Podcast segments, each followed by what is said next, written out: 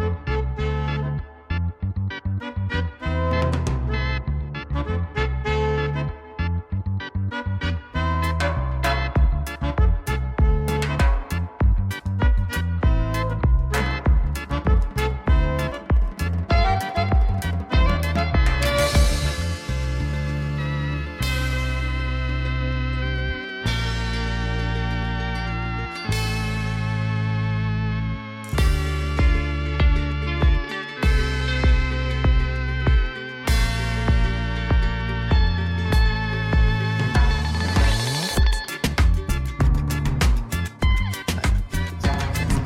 er wel eens over, ik zat er wel eens over na te denken over dat wakker ook.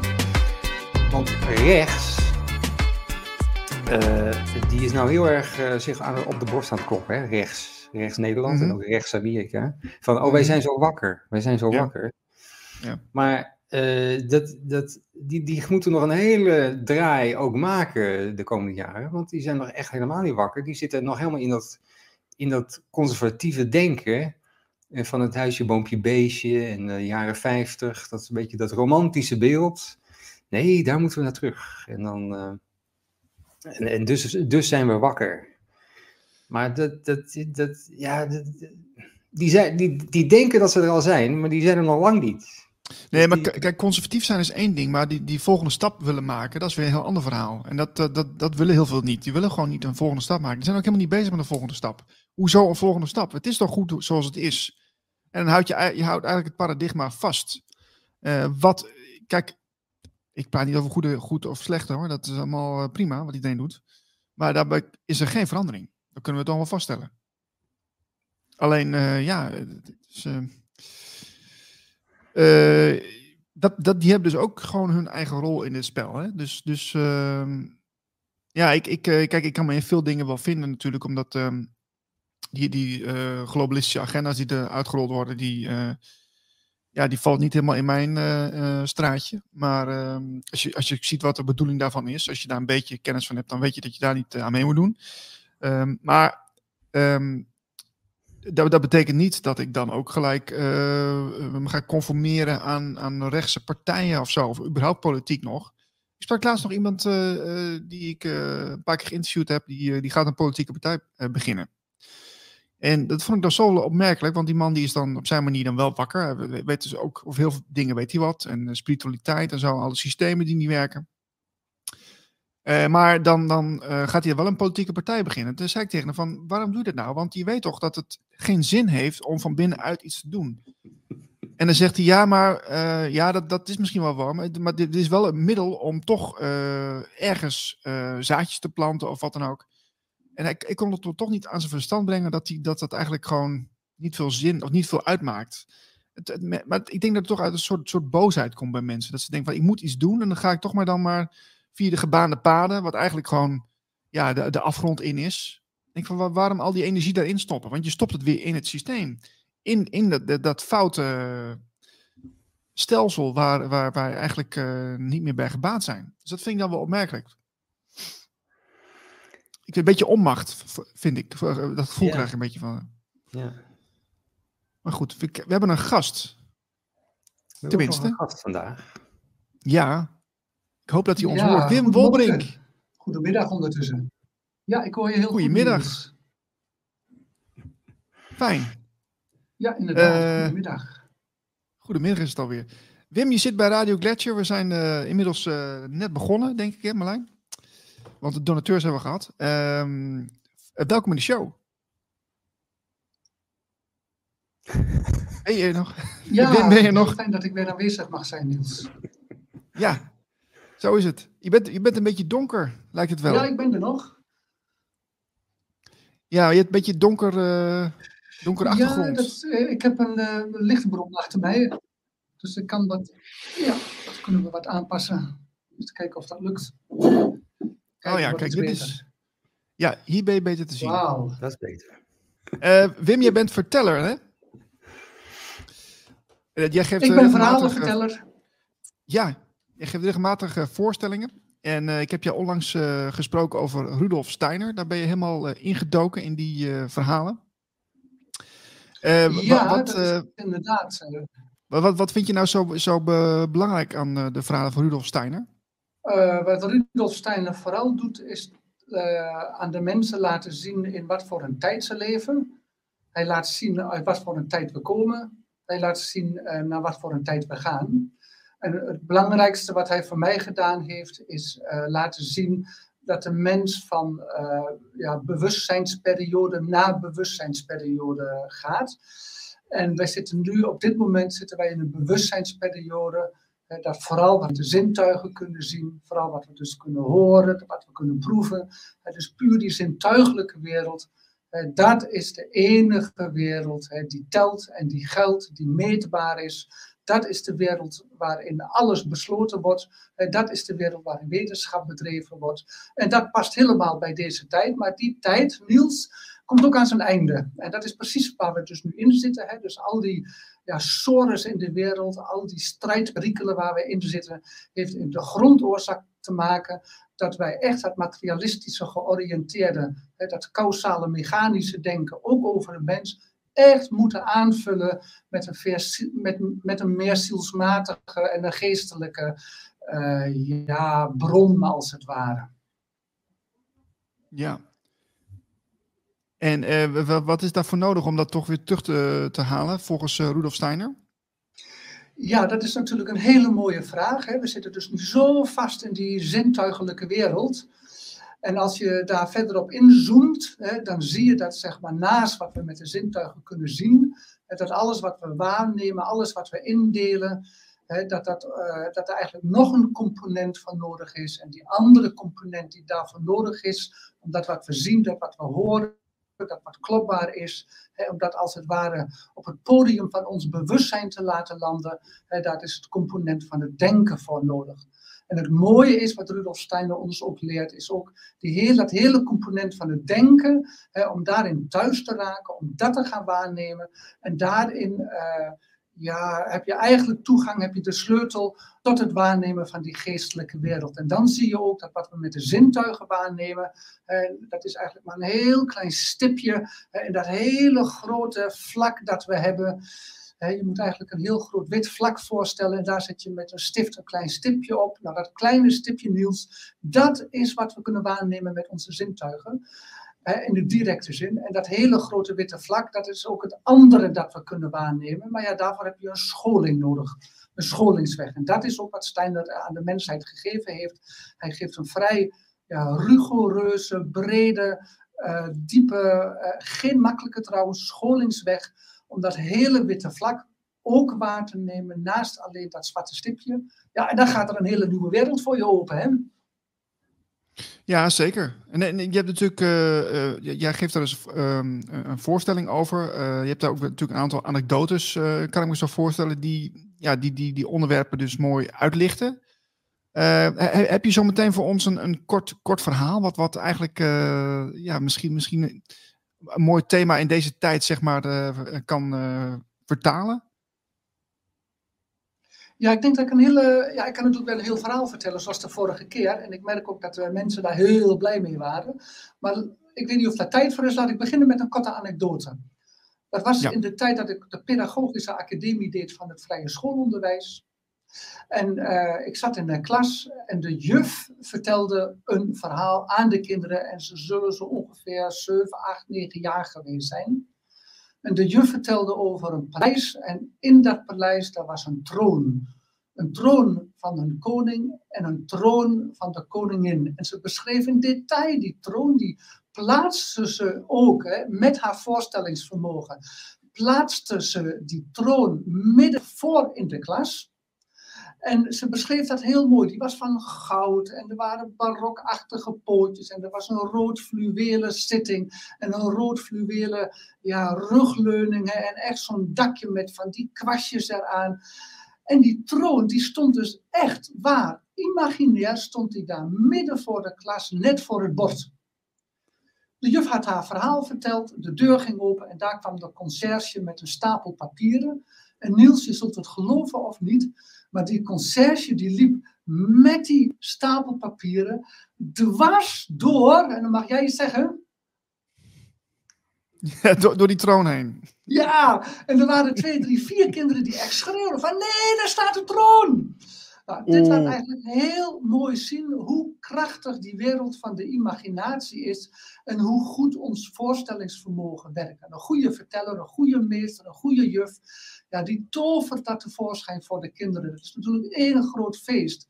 laatst was ik in de klas en de kindje helemaal wild enthousiast. Juf, juf, juf. He, zei ze dus tegen die eh, vrouw daarvoor in de klas. Daar is die meneer weer, die meneer van die innerlijke televisie. En zo is het dus echt. Ja, die is mooi. Hè? Dus, dat is dus is heel mooi, ja.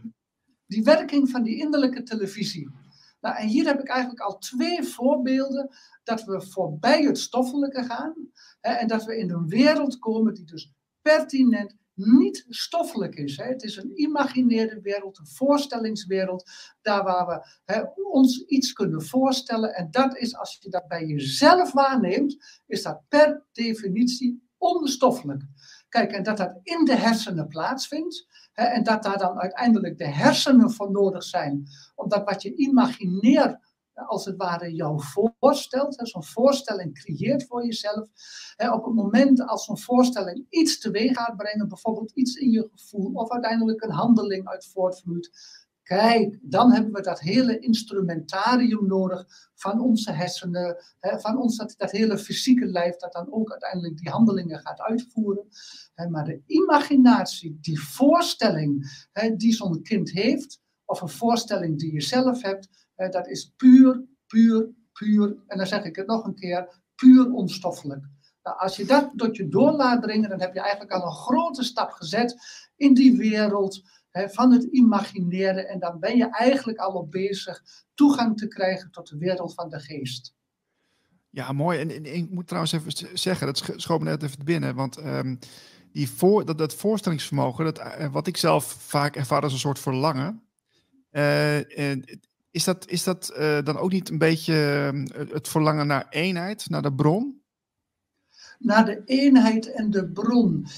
Uh, ja en nee wil ik zeggen. Kijk, die bron waar jij het over hebt, dat verlangen waar jij het over hebt, uh, dat is natuurlijk een heel, heel, heel, heel diep in de mens aanwezige, ja, en dat is dan toch wel jouw woord, hè, oerbron, uh, van waar wij zo'n heel diep gevoel hebben van, hey, de wereld is niet één, de, e-, de wereld is gefragmenteerd. Hoe zorg ik ervoor als mens om die wereld weer één te laten worden? Hoe maak ik een einde aan die defragmentatie? En dat is zeg maar ook een, een, een typisch fenomeen van deze tijd. De wereld is totaal gedefragmenteerd. En wat leert de antroposofie dan ook? Die geeft dan ook hele duidelijke fases aan. Hè, fases van defragmentatie. En een groot moment van defragmentatie is toen de androgyne mens uiteen viel als het ware in man en vrouw. En dat geeft natuurlijk een enorme spanning diep in de ziel. En dan laat ik eh, de, de, LHBT laat ik even buiten beschouwing. Of eigenlijk zouden die ook mee kunnen nemen. Maar het kan heel goed zijn dat een man in een andere man, een vrouw in een andere vrouw. En uh, allerlei uh, variaties. Ik heb het nog niet geteld en ik weet niet of er een wiskundige is die het aantal variaties daarin mogelijk zichtbaar gemaakt heeft. Maar het laat zien dus dat er een heel diep oerverlangen in de mens is. En soms projecteer je zo'n oerverlangen, dat oerverlangen op een andere persoon. Maar het kan ook heel goed zijn dat dat oerverlangen laat ook zien van, ja, wat is er in deze tijd in godsnaam aan de hand? Hè? Wat heb ik de laatste tijd zo vaak gehoord? Wat heb ik de laatste tijd zo vaak gezien? Het klopt niet. En dat heeft vooral te maken hè, vanuit dat eenzijdige causale materialistische denken, waardoor de hele wereld gefragmenteerd uiteengevallen is. En nogmaals, hè, dat ene stipje op dat grote vel wit papier, hè, dat ene zwarte donkere stipje, dat is waar wij met ons bewustzijn nu in zitten te vroeten en in zitten te zoeken en de waarheid proberen te ontfutselen. Niels, jongen, ik kan jou vertellen, dat gaat een mens nooit lukken als we die andere 99,99% buiten dat stipje erbij halen.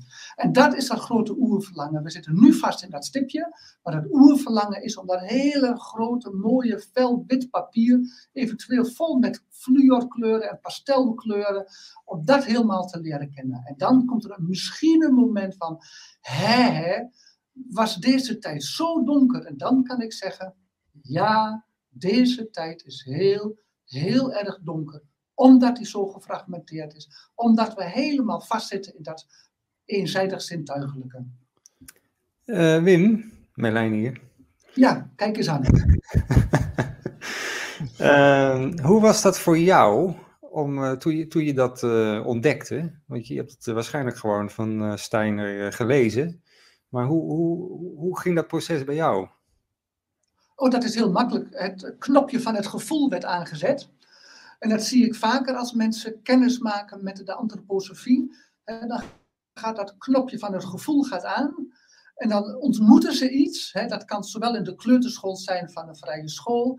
Hè, dat kan in een antroposofisch therapeuticum zijn, waar hele warme kleuren, fijne natuurlijke stoffen aanwezig zijn. En bij mij was dat op de Vrije Hogeschool van professor Lievergoed.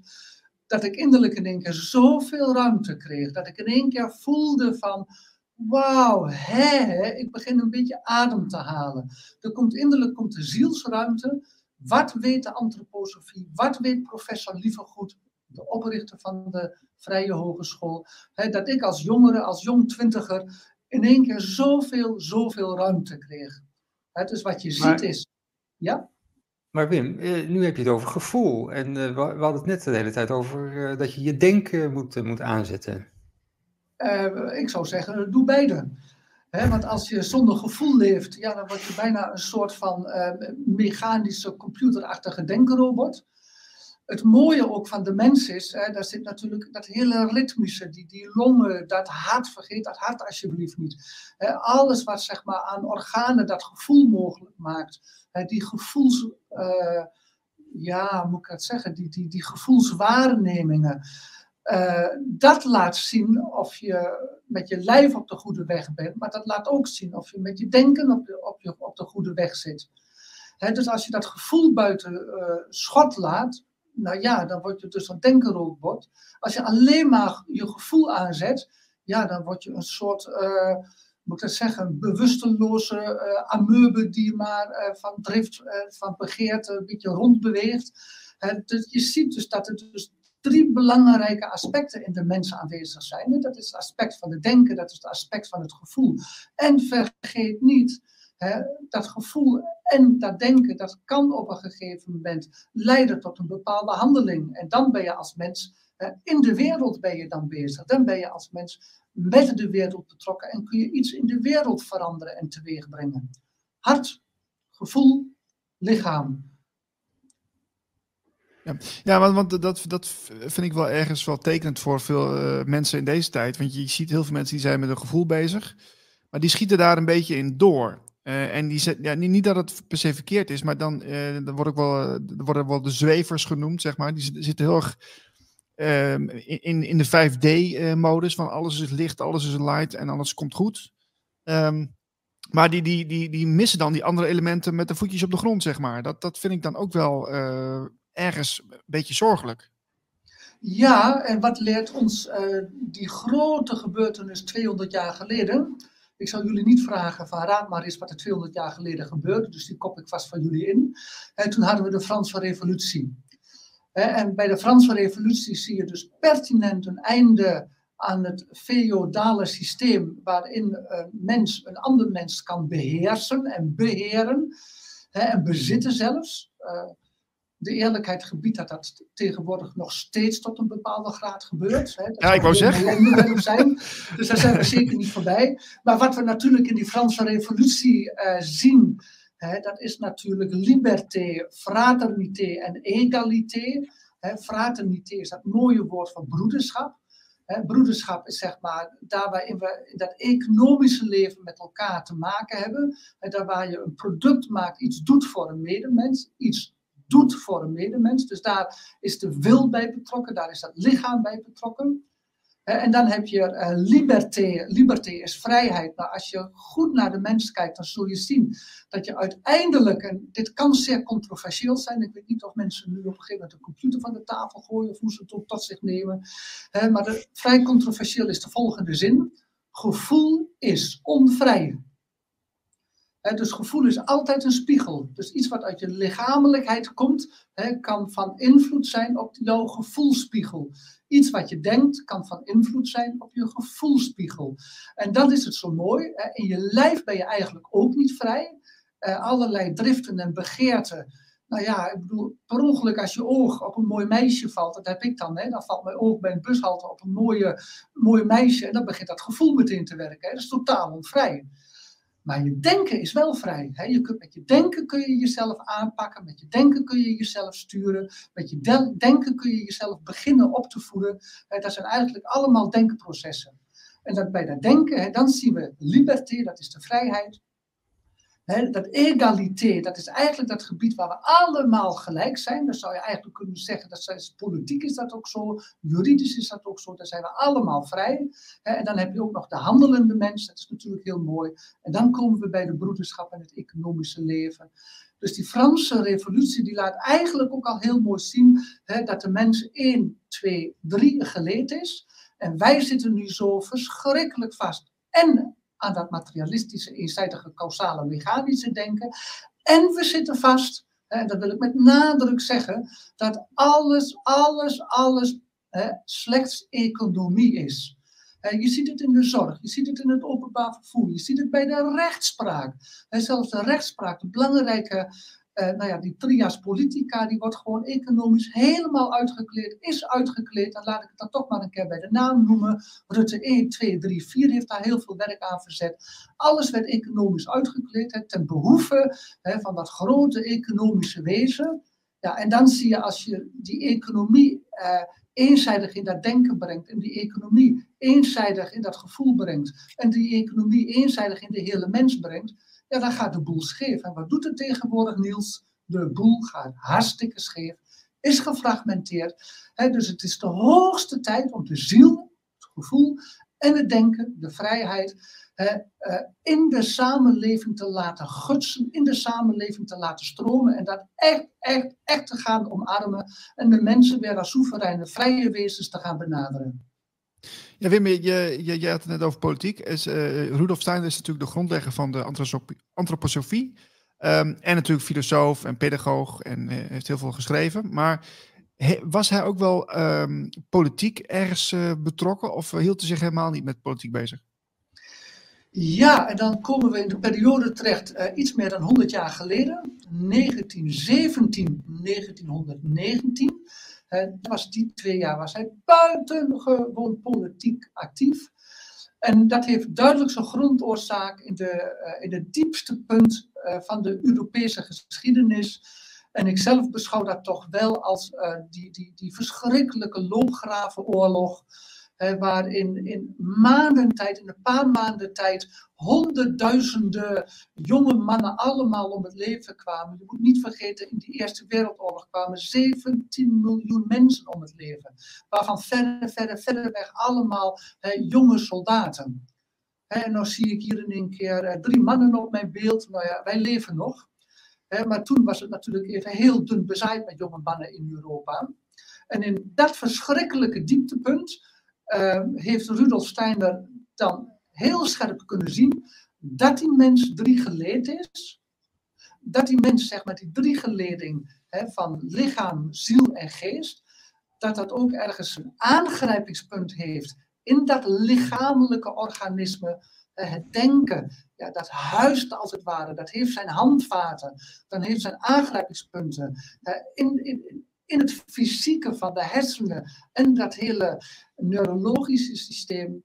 En dan hebben we dat middengebied, die ademhaling, dat hartritme, dat ritmische gebied. Daarin huist de ziel, daarin heeft de ziel zijn aangrijpingspunt, zijn houvast in de lichamelijke, fysieke, zintuigelijke wereld.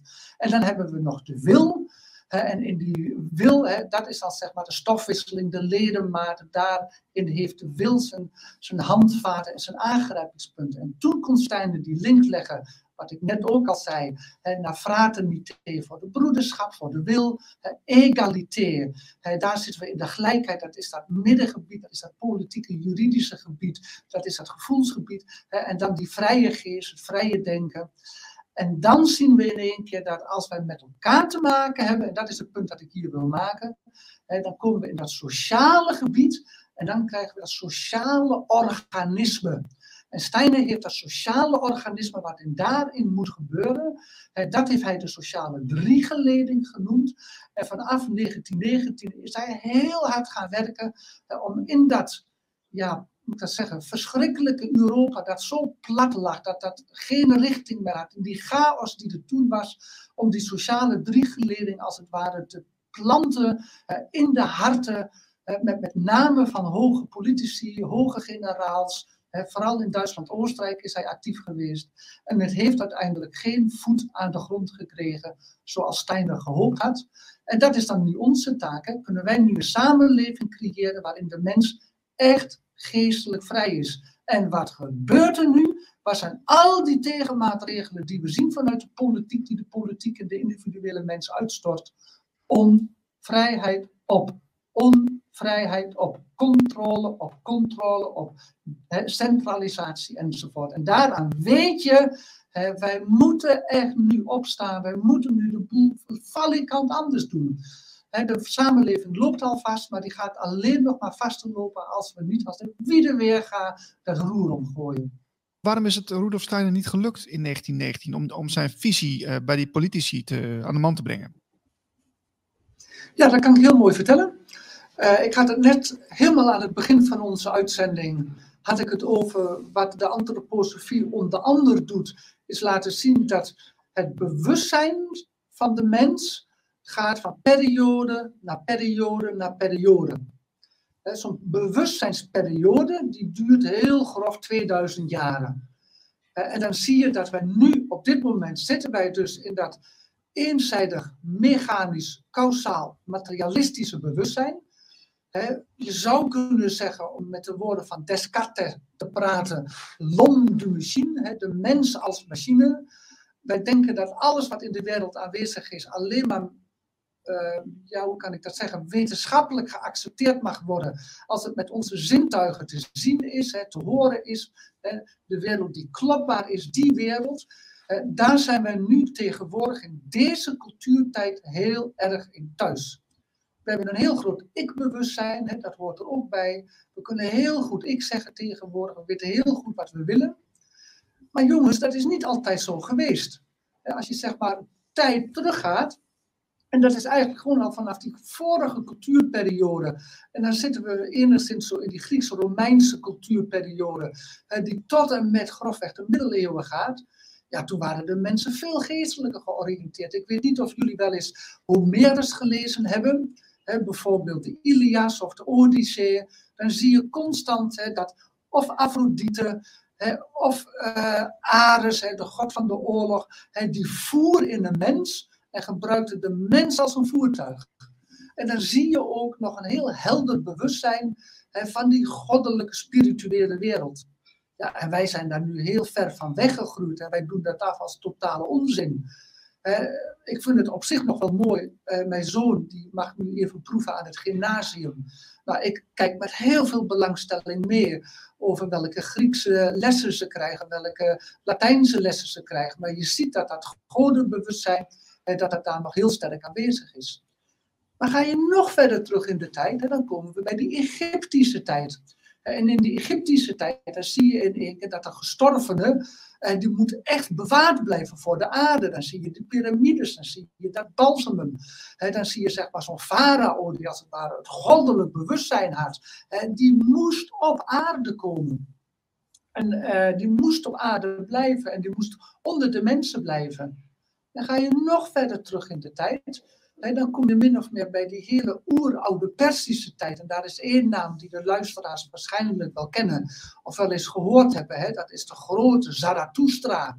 En de Zarathustra die had als ideaal en als geloof en als inzicht en als bewustzijn. Hè, van je hebt een grote zonnegeest. En die zonnegeest die moet zich verbinden met de donkerte van de aarde. En hij had een gouden dolk. En wat deed hij met zijn gouden dolk? Hij maakte een voren, een kras, een gleuf in de adem. Zodat het zonlicht in de aarde kon komen. En dan zie je ook, als je een gleuf maakt in de aarde hè, en je plant daar iets in en er komt zonlicht bij, dan kan er iets groeien. Dus het is niet dat uit die Persische oertijd, dat daar komt het begin van de landbouw. Daar komt het begin van het houden van dieren, het, het tam maken van dieren. En zo zie je dus, we gaan van bewustzijn naar bewustzijn naar bewustzijn. En wat Steiner nu deed uh, met die sociale driegeleding is eigenlijk vooruitlopen op de toekomst. Want de volgende cultuurperiode, dus na dat eenzijdig causale materialistische, dat wordt de cultuurperiode van de broederschap. En als je dan kijkt, als je dan kijkt naar die sociale driegeleding, dan zie je eigenlijk een fantastische aanzet om naar die broederschap toe te groeien. Iedereen is gelijk. Hè. Er is niet een of ander politiek orgaan hè, dat even over de hele mensheid beslist over uh, nou ja, wat de mensheid moet doen. En ik weet niet hoe ver ik hier mag gaan in deze uitzending, maar ik ga Heel het ver. maar eens even zeggen. Heel ver. Dat Dit is Radio Gletscher, dus eh, je mag overal heen met je verhaal. Oké, hou je vast, want ik ga nu een, eh, een, een- tip van een sluier. Ja, precies, je doet het goed. Een tip van de sluier oplichten. Wie is Klaus Schwab? Nou, laten we dat even als een retorische vraag staan. Ehm, als ik echt heel ver mag gaan, kijk wat ik hier ga doen. Ik weet niet, is er ook beeld bij trouwens in deze uitzending? Of moet ik dat allemaal beschrijven? Dit is nog, ja, je bent nog steeds in beeld. Ja? Dus wat ik hier laat zien, hè, is een soort parabolische vorm. Hier heb je de twee bovenpunten. Je gaat naar beneden en dan kom je beneden aan samen. En in die parabolische vorm zie je, kun je horizontale lijntjes maken. Nou, dan bestaat deze grote fase waar we in zitten, zegt de antroposofie, die bestaat uit zeven cultuurperioden. Kijk maar eens mee. 1 verbindt zich met 7. 2 bevindt zich met 6. 3 verbindt zich met 5. Enzovoort. En nou is 3 en 5 hebben met elkaar te maken. De derde cultuurperiode, dat is de Egyptische cultuurperiode. En wat zien we bij die Egyptische cultuurperiode? Het beeld is belangrijk. De aarde wordt heel belangrijk. De piramidebouw is heel belangrijk. Ongekend wat die mensen toegepresteerd hebben. En drie spiegelt zich en reflecteert zich met vijf. En vijf is de materialistische, causale, mechanische cultuurperiode waar we nu in zitten. Ook een beeldperiode. Iedereen zit op het mobieltje, op de televisie. Eigenlijk zitten wij nu ook bij achter een scherm. Beeld, beeld, beeld, beeld. En nou kom ik hem in, jongens. Hè, Tutankhamon, de farao uit de Egyptische tijd. Hoe komt dat bewustzijn nu gemetamorfoseerd terug in deze tijd? Hè, Tutankhamon was een dictatoriale, eh, hoge geïnitieerde ook farao. Vanuit één persoon werd de hele wereld bepaald.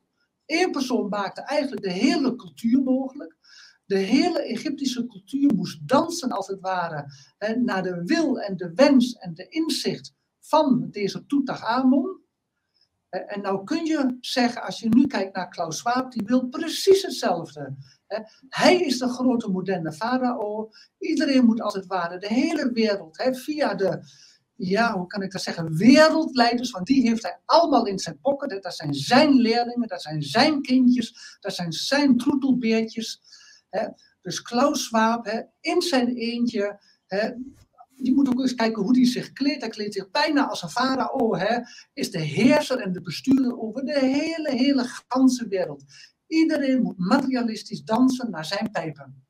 En daarom kun je zeggen, omdat daar zulke grote belangrijke linken zijn, zou je kunnen zeggen dat de individualiteit van Tutankhamon hè, geïncarneerd, geïncarneerd, geïncarneerd is in Klaus Schwab. Als Klaus Schwab is Tutankhamon teruggekomen en daarin zien we die eenzijdige heerschappij, die eenzijdige onderdrukking van de individuele mens. En dat is het grote gevecht waar we in zitten. We zitten dus echt in een enorm gevecht, en dan sluit ik hierbij even af. We zitten echt in het grote gevecht van centralisatie van één persoon naar decentralisatie, naar broederschap, de opmaat naar de volgende cultuurperiode. Die strijd, dat gevecht, wordt op dit moment als een soort nou ja, extra golf opnieuw gevoerd, als een soort metamorfose van de Franse Revolutie De golfbeweging die daarna kwam was de Eerste en de Tweede Wereldoorlog. En nu komt de allergrootste golfbeweging. Het is nu of nooit, het is nu alles of niets. Jongens, in deze tijd zitten wij. Ja, ja dit is, heel, het is zeker heel fascinerend. En ja, als we dan toch een beetje in die, uh, in die range zitten met, met, met, met ja, dictatoriale leiders. Um, ik, ik, moet een beetje denken aan de Antichrist of, of valse profeten. Wat, wat, wat, hoe kijk jij daarnaar, Wim? Ja, dan komen we bij uh, Solovjev terecht en zijn beroemde boek De Antichrist. Ik denk dat die tijd nog moet komen, zover zijn we nog niet. De apocalypse is ook nog verder weg, zover zijn we ook nog niet. En we zitten hier gewoon in een zeer belangrijke uh, fase in de menshheidsontwikkeling. Waarbij ik denk, wat nu speelt, wat op dit moment als het ware echt veroverd moet worden. Maar dan moet ik even goed zeggen, uh, dat we niet te veel in het eenzijdige strijddenken komt. Uh, ik zeg het liever op deze manier, dat materialistische, eenzijdige, causale, mechanische denken, dat moeten we aanvullen. Hè, en dat de mens dus niet alleen een machine is, niet alleen een zak met moleculen is, niet alleen, uh, nou ja, causale, neurologische wezen is. de mens is door en door een vrij wezen en we moeten dat materialistische denken, en dat zijn we heel goed in, hè, om dat materialistische denken op de ja, mechanische wereld van toepassing te laten zijn. Maar we mogen het niet op het leven en we mogen het zeker niet op de mens van toepassing laten zijn. Dus dat mechanische, causale denken, wat we zo goed kunnen nu, moeten we aanvullen hè, met dat vrijheidsdenken voor de mens. En de mens ook dat gevoel teruggeven aan zichzelf. En op het moment als we aanvullen, dat materialistische denken aanvullen met noem het eh, inzichten wat uit de geest binnenstroomt, dan denk ik kunnen we de volgende stap doen naar de volgende cultuurperiode. Dus het gaat er niet om dat andere te vernietigen, het gaat erom echt dat andere aan te vullen. En dan zien we ook hè, dat liefdeskrachten nodig zijn, inzichtskrachten nodig zijn, zodat een mens echt weer, als het ware, een wezen mag worden waar die voor bedoeld is. Een wezen met gevoel hè, en een wezen met het vrije, soevereine denken. Ja, en hoe, uh, hoe nodig jij mensen uit in jouw voorstelling om, uh, om zich meer, daar meer van bewust te zijn dat, dat, dat wij een groter wezen zijn met een, met een uh, geestelijke wereld? Ja, hier in het noorden en in het oosten van het land is een heel mooi nieuw initiatief. En dat initiatief dat heet Wereldonderwijzer. En uh, ik ben onlangs aangenomen als wereldonderwijzer. En misschien hebben jullie het ook al gehoord, volgens mij was dat vorige week weer in het nieuws. Hè? Liefst uh, wat is het, 10.000 vacatures in het basisschoolonderwijs. Hè, dat is natuurlijk desastreus. Dan gaan we naar een vierdaagse uh, schoolweek. Hoe moeten die ouders zich dan weer redden? Dus we zitten in een hele spannende tijd. En een van de initiatieven dat ook de goedkeuring gekregen heeft van de minister, dat is het initiatief van de Wereldonderwijzer. Dat zijn mensen met een passie. Dat kan een politieagent zijn, dat kan een zorgverlener zijn, dat kan een brandweerman zijn, dat kan een verhalenverteller zijn of een andere kunstenaar zijn. Eh, die mogen straks één dag voor de klas staan als ergens daar een gat gevallen is. En die mogen een lesprogramma maken rondom hun passie. Dat ga ik ook doen. En misschien komt er nou een glimlach op jullie gezicht, want ik heb het net al gezegd. Toen dat ene jonge kind zei van, juf, daar is die meneer van de innerlijke televisie. Ja, ja, ja, ja dat is dus leuk. Wat ga ik doen? Wat ga ik doen? Ik ga de innerlijke televisie op school brengen. En dat doe ik op twee niveaus. Ik ga gewoon vertellen, vertellen, vertellen, vertellen. Kinderen helemaal onderdompelen in die prachtige beeldenrijkdom van sprookjes, zagen, legenden, mythen. Ook bijbelverhalen. Ik heb vanochtend nog een heel verhaal verteld over Esau en Jacob. Dat is weer een andere uitzending als ik daar de tijd voor krijg om daar iets over uit te leggen. Maar dat geldt ook voor sprookjes, zagen, legenden, mythen enzovoort. Dus aan de ene kant ga ik vertellen. En aan de andere kant nodig ik de kinderen uit om ook naar zichzelf wa waarnemingen te verrichten. Van jongens, jullie hebben dat toch van binnen gezien? Dat is toch schitterend? Dus het is niet alleen een buitenwereld, maar er is ook een binnenwereld. He, er is een wereld aan de ene kant van de grens, dat is de grens van wat we kunnen zien met de zintuigen. En er is een wereld van de binnenkant. En dan is zeg maar dat, die, dat voorstellingsvermogen, die imaginatie, is maar één aspect van die binnenwereld. Er is nog veel meer daarover te vertellen, maar ik denk dat reikt te ver. Zeker voor jonge kinderen. Ik heb begrepen, niet voor deze uitzending, dus misschien is daar zo nog tijd voor. Maar laten we alleen al beginnen, eh, omdat dat zo direct uh, toegankelijk is. die wereld van de innerlijke televisie, waar dus gewoon een echte, onstoffelijke, niet met de zintuigen waarneembare wereld is, maar er wel degelijk is. Wim. Ja. Wat, wat uh, of hoe vertel je nou een goed verhaal? Wat is nou de, de, de techniek om een goed verhaal te vertellen? Ja, dat heeft een aantal componenten. En volgens mij kunnen componenten niet zomaar los van elkaar zien. Uh, misschien is de belangrijkste component voor mij is, als ik een verhaal vertel, dan zie ik dat verhaal als het ware innerlijk voor mijn geestesoog voorbij trekken. ik zie dat verhaal, ik zet die knop van die innerlijke televisie, die zet ik aan. En van daaruit vertel ik.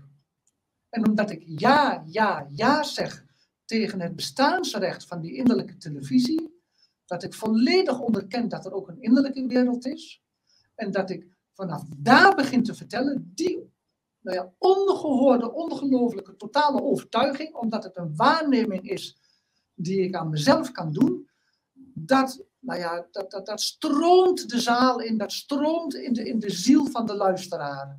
Ik ga als het ware bij de luisteraar op schoot zitten en het is onmiskenbaar. die innerlijke televisie, die, uh, nou ja, die, die boost ik als het ware de luisteraar in met een innerlijke overtuiging. dat is één. Twee is, het is niet alleen een innerlijke televisie. Ik begin met die innerlijke televisie, maar ik projecteer die innerlijke televisie als een diaprojector, als een filmprojector, 3D in de ruimte. dus ik weet die hele ruimte waarin de verteller en de luisteraar aanwezig is, die weet ik echt om te toveren tot een 3D-film. Daar is de ezel, daar is de tempel, Boven schijnt de zon. Beneden is het gras met de hoefafdrukken van de ezel. Het is een 3D-film. Nou, heel fysiek maak je het eigenlijk. Ja. Ik maak het ehm, heel ruimtelijk. En omdat ik het ook aanwijs en laat zien, uh, wordt het een fysieke beleving. En dan kan ik nog een stap verder gaan. Als ik zo zuiver en zo goed en zo imaginair en met een krachtige voorstellingsvermogen op deze manier over een ezel vertel, dan is het voor het publiek niet meer duidelijk, hè, en daar zijn ook al onderzoeken naar geweest, of er nou een echte ezel staat, hè, of een ezel imaginair geplaatst in de ruimte, zo goed beschreven. Voor de luisteraars is het om het even. Ik heb ook wel eens een kindje gehad, die werd in één keer met een schrik wakker. Uh, die, die werd uit dat verhaal gehaald, omdat het einde van het verhaal was.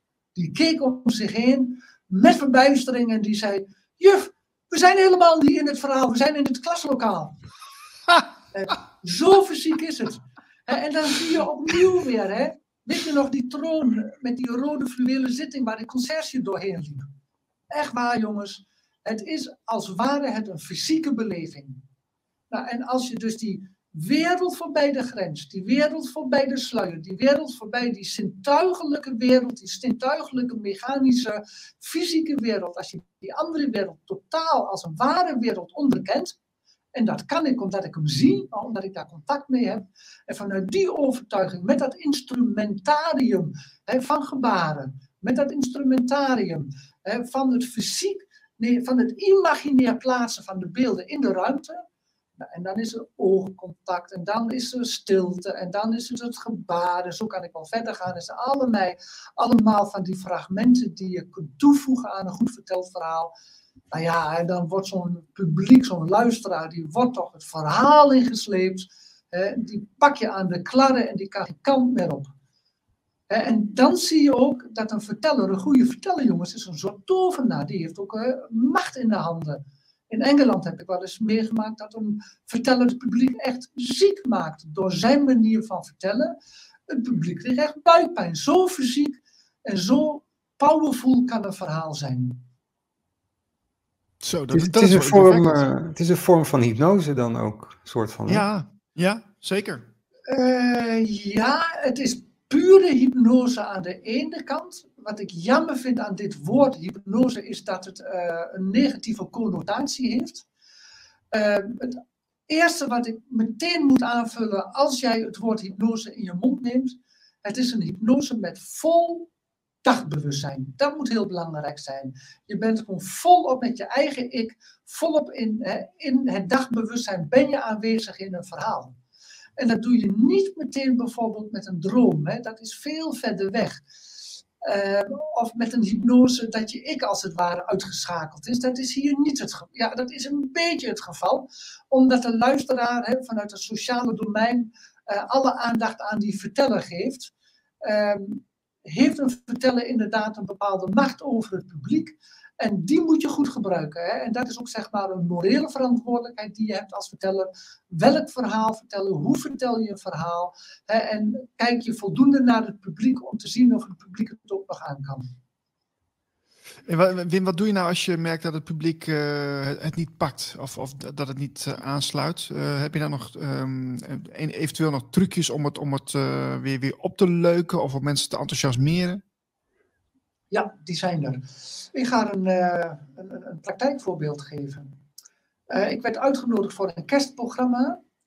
En het toetje kwam wat later. Er was ook een diner aan, aan, aan verbonden.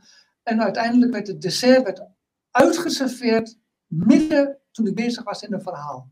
en de obers deden het heel zacht en heel voorzichtig. Maar ik merkte zo dat de obers moesten zoeken van ja, wie heeft nog geen dessert gehad. De mensen keken naar de obers om aan te wijzen van kijk, die persoon heeft nog geen dessert gehad. Ja, en dan zeg ik ook van hé, hey, lieve mensen, uh, weet je wat? Uh, in principe ben ik hier de baas op dit moment. Uh, het verhaal is hier belangrijk. Het eten is belangrijk we laten eerst het eten uh, uitserveren. Jullie eten het eten op. Hè. Geniet van het dessert. En net zo makkelijk, toen de laatste persoon het dessert op had, na pakweg 5, 6, 7 minuten, pakte ik zo het verhaal weer op. Nou ja, en de mensen hebben gesmuld. Ja, en van het dessert en van het verhaal. Dus uh, zo kun je daarmee omgaan. Maar dat is ook wat wij leren op de Nationale Vertelschool. Als mensen daar echt een wat langere, een intensievere training doen. Jij bent uiteindelijk hè, de moreel verantwoordelijke voor hoe zo'n verhaal verteld wordt. Uiteindelijk ben jij ook een soort morele baas over hoe het daar gaat. En dat moet je heel serieus nemen. Nou ja, soms doe ik het ook met een kwinkslag, dan maak ik een grap.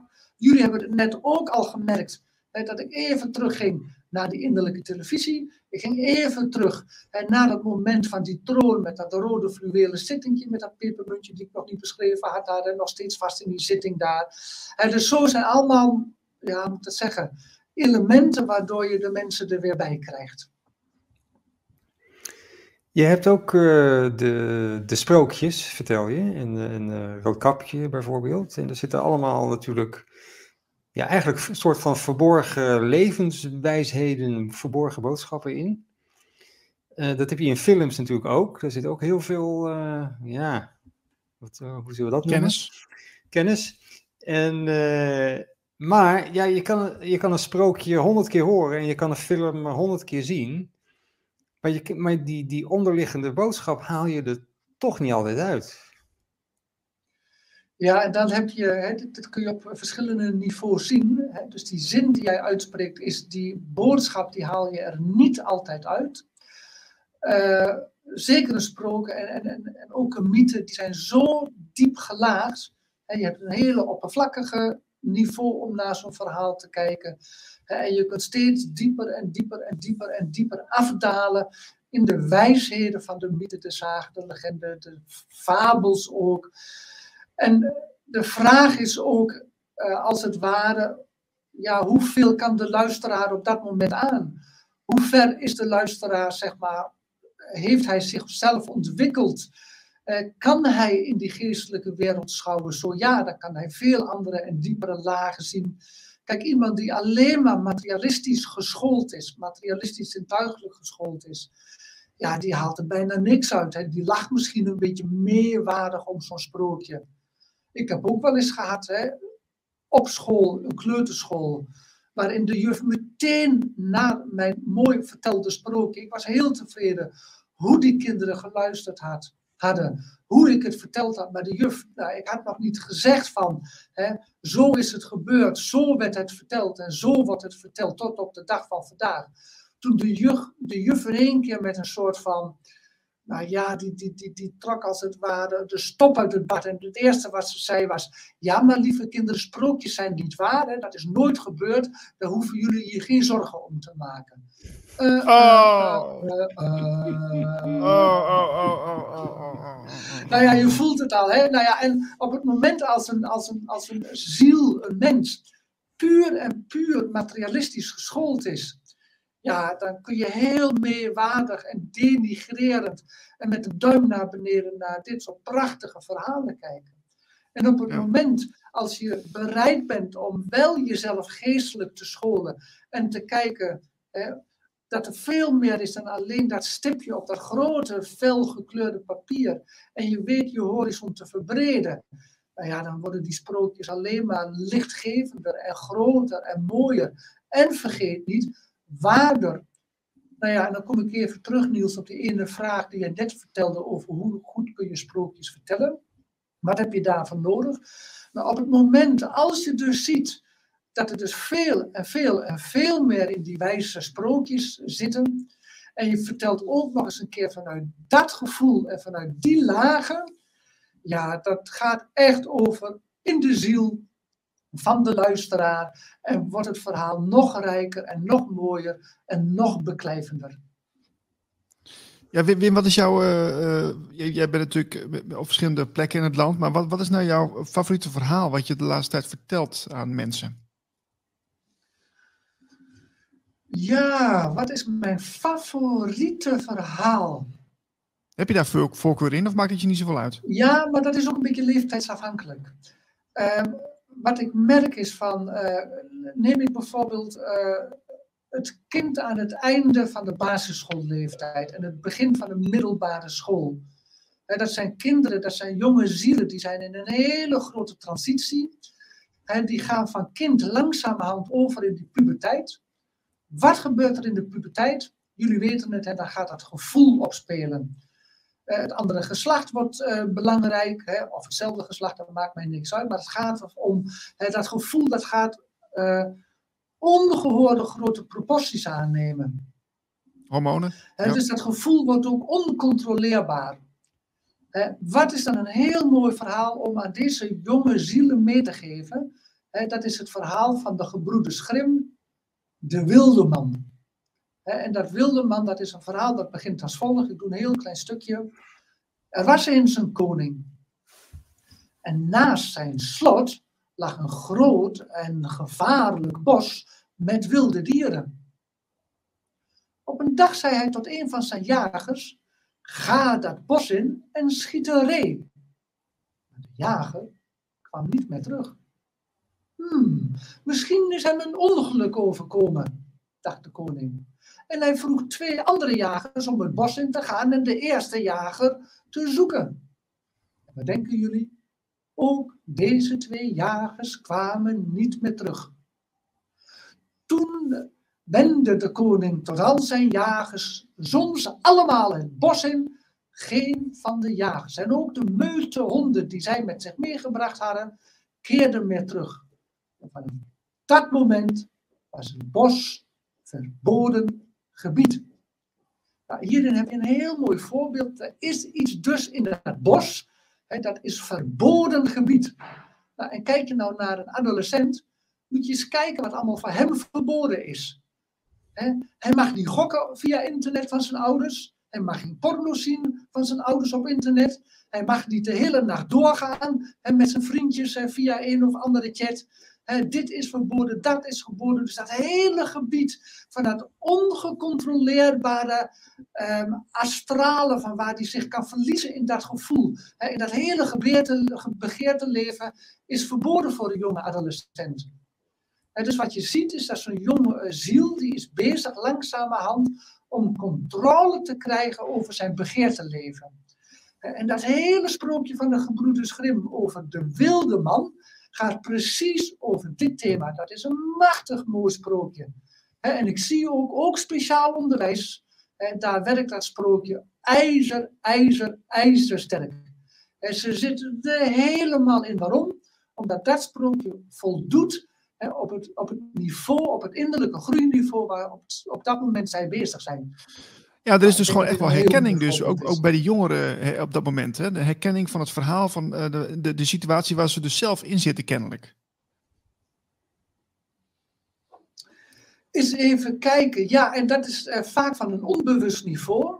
Maar ze zuigen en ze slurpen zo'n uh, ja, rijk, imaginair verteld verhaal naar binnen heen.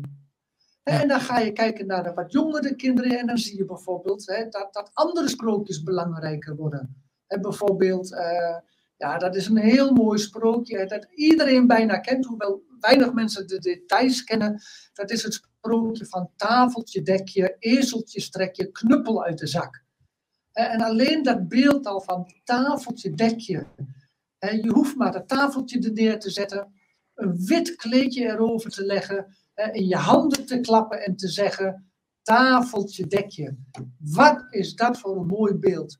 Dus er is iets ook in zo'n jonge kind, dat, dat is, is ja, oneindig.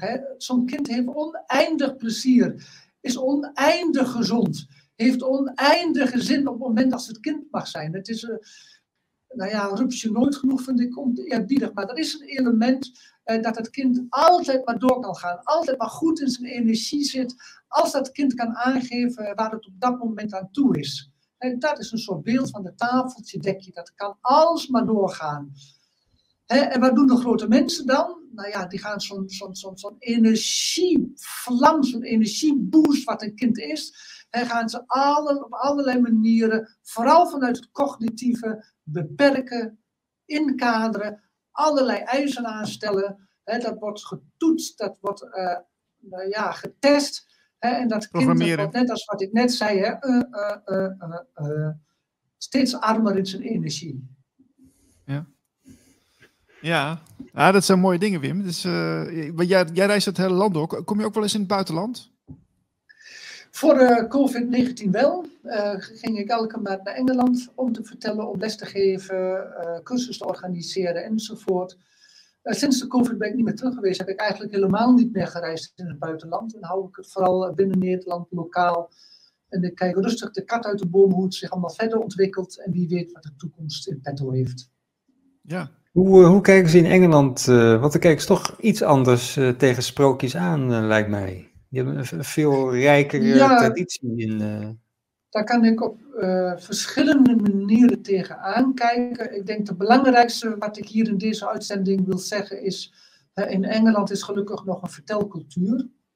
In, in, in, India is nog een vertelcultuur, in Japan is nog een beetje een, een vertelcultuur.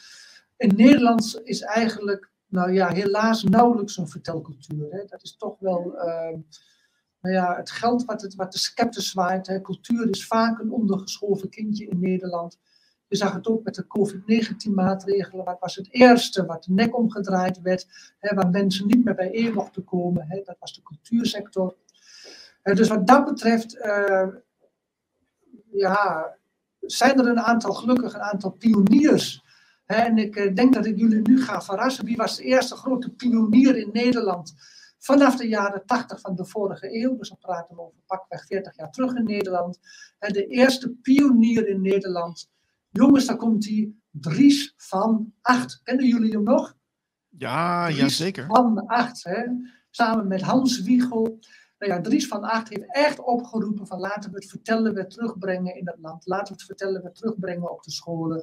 dus hij was een soort ambassadeur. En je ziet ook in Nederland dat vanaf de jaren tachtig die vertelcultuur weer een beetje voet aan, aan, aan de grond kreeg. op dit moment zijn er zo ongeveer 400 vertellers. we hebben verteldagen gehad, we hebben vertelfestivals gehad. We hebben in Utrecht internationale vertelfestivals gehad. Op dit moment hebben we in Nederland, gelukkig doen daar flink wat initiatieven aan mee. Dat is zo rond 21 maart. Het bijzondere aan 21 maart is ook dat overal in de wereld de dag even kort en even lang is. Op de Noordpool, op de Zuidpool, op de Evenaar. Dus 21 maart is de internationale verteldag. En er zijn vrij veel initiatieven in Nederland die daaraan meedoen. Dus je ziet ja, dat het vertellen toch enigszins met een comeback bezig is, maar het gaat traag en langzaam. Ja. Alright. En, en waar ben je binnenkort uh, te zien, uh, Wim? Deze uitzending komt trouwens uh, zondag online. Dus voor de mensen die dus willen volgen wat jij doet, waar, waar ben je te zien? Ja, er zijn een aantal bijzondere initiatieven. RTL 4 is, heeft bij mij aangeklopt met het programma Dit is Holland. Die gaan volgende week op een school in Enschede gaan ze film maken, een programma maken. Dus niet alleen in jullie uitzending, maar ook gewoon op de landelijke televisie er komt er een item. Ik begin een cursus. Hoe verkrijgen bewustzijn van hogere werelden? dus dat is zeg maar ver voorbij dat eenzijdig materialistische denken. Kunnen we nieuwe zintuigen in ons ontwikkelen om nou ook die geestelijke wereld waar te nemen? En de rijkdom van die geestelijke wereld, als het ware, door ons menselijke handelen in de aardse maatschappij eh, te laten stromen dat is uh, acht keer op een woensdagavond geef ik allerlei uh, oefeningen, vertel ik verhalen, hou ik korte lezingen, zijn er allerlei oefeningen waarop ik hoop dat de studenten die zich inschrijven, um, nou als het ware een glimp kunnen opvangen. Hé, hey, ik ben zelf baas over mijn eigen ontwikkeling, om zintuig te ontwikkelen, om die geestelijke wereld waar te nemen. Nou ja, en dan zijn er nog verschillende voorstellingen die ik geef. En natuurlijk, dat heb ik net ook gezegd, die intensieve verteltraining die komt weer terug. Er komt nog een open dag ergens in juni op een zaterdag.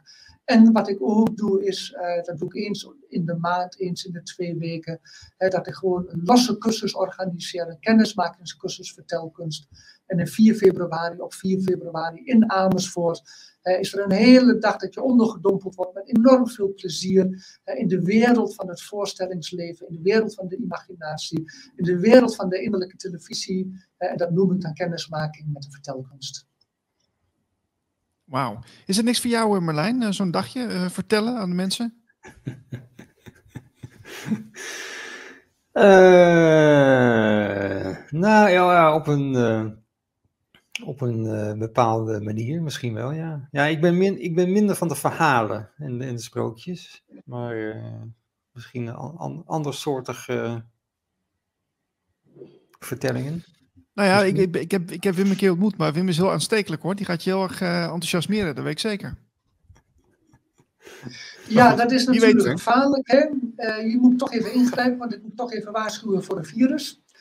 Dat is een mondkapje bestand, dat is het vertelvirus. Nee, dat is echt waar, als je het één keer ontdekt hebt. en die innerlijke televisie die gaat één keer aan. Ja, dan is dat echt zo'n aha-erlevenis, zo'n wauw-ervaring. En we maken ook vaak mee, we hebben zelfs wel eens gehad dat mensen zich voor een tweede keer inschreven voor die intensieve verteltraining. Gewoon omdat het zo gaaf is om juist voorbij die sluier van het zintuigelijke ook uh, in die wereld van de imaginatie, in de wereld van dat voorstellingsleven, om daarin allerlei gave ontdekkingen te doen en daarin in te bewegen. dus laat je verrassen en laat je aansteken en doe dat virus op, doe dat mondkapje, mondkapje af. er is ook geen enkele injectiespuit tegen bestand. Het virus dat gaat door alles heen. Pas op, jongens. Ja, ja, heel goed. Uh, beware. Wim, uh, fijn dat je bij ons was. Heel graag gaan we verder, Dan gaan we verder met de show. En uh, we spreken je graag een, een, volgende keer weer. later dit jaar of misschien volgend jaar. Ik hoop weer terug te mogen komen. En dankjewel voor jullie aandacht. En dan wellicht tot een volgende keer. Merlijn, Niels, tot ziens. Alright. Bye bye Wim, dankjewel. Hoi hoi. Bye bye. Ja, dat was uh, Wim Wolbrink, uh, professioneel uh, verteller. Hè? Die hebben we eventjes in de uitzending gehad met toch een paar mooie, ja, mooie verhalen, anekdotes. Ik vind het wel, wel grappig. Moet je maar kunnen. Je moet het maar kunnen, ja, ja, ja, ja. ja, daarom zijn er ah, ook trainingen voor, hè? Ja, ja, nee, ik, ik, heb, ik heb er wel zelfs een keer overwogen. ook gewoon om, om, om, om over die drempel te gaan, weet je wel. Om, gewoon toch te proberen. Maar vertel, hier, hier komt een vingertje. En als een vingertje komt, dan, dan, eh, dan komt nee, nou, Ik moet eigenlijk zo doen. Ik moet naar jou wijzen. Ja. Want jij hebt, uh, jij hebt natuurlijk ook, uh, hoe heet dat ook alweer? Uh, stemacteur.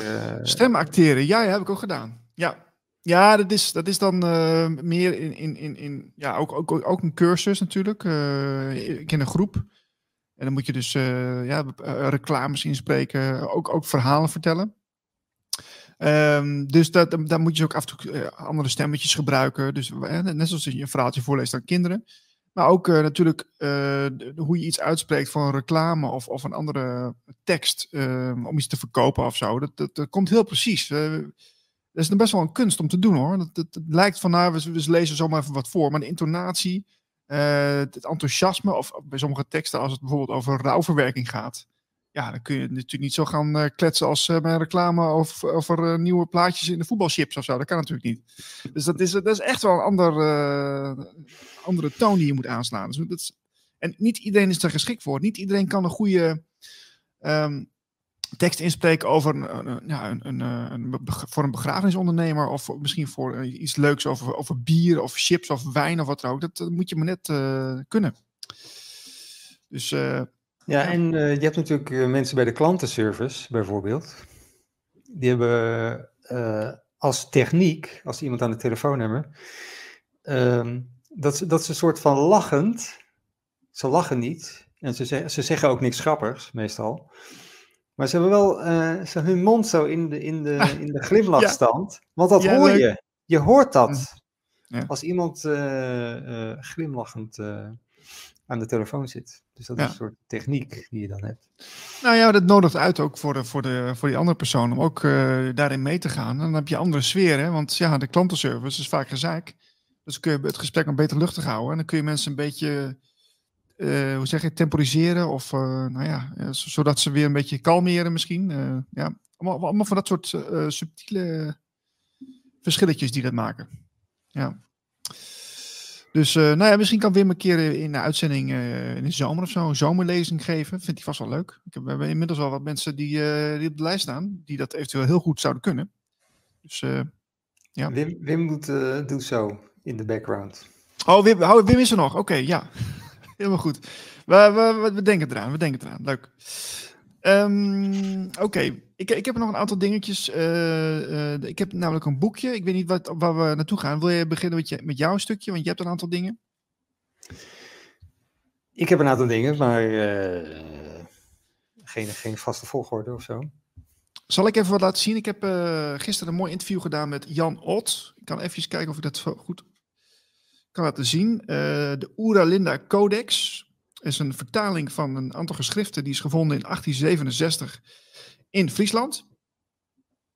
En uh, dat is een heel verhaal. Ik heb, ik heb er een podcast over opgenomen met Jan Ott. Dus die is de, de vertaler van de nieuwe vertaling in het Engels. Dus het is een heel boekwerk uh, met heel veel Engelse teksten en vertalingen. Maar daarachter zitten ook de, de originele geschriften.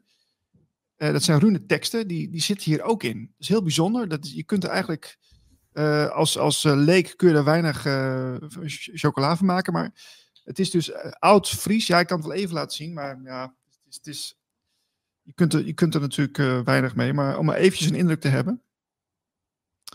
Um, en dat is wel leuk. Want al die oude teksten, de oude Fries, oud-Nederlands, rune teksten, um, die zijn dus vertaald. En dat, dat, uh, dat is een nieuwe vertaling, een betere vertaling dan de eerste vertalingen. En wat vertellen die uh, geschriften nou? Die geven een hele nieuwe, um, een, een, ja, een nieuw verhaal over onze geschiedenis. En, um, en dat is de geschiedenis van, van Friesland en wat, wat, uh, wat nou natuurlijk nog voor uh, de, de, de, ja, de Koninkrijk der Nederlanden uh, was. Dus, dus de, de, de, um, ja, dat gaat, dat gaat heel ver terug. Maar wat ik eigenlijk wilde, toe wilde, is, is dat voor heel veel mensen is het nog een soort van grap.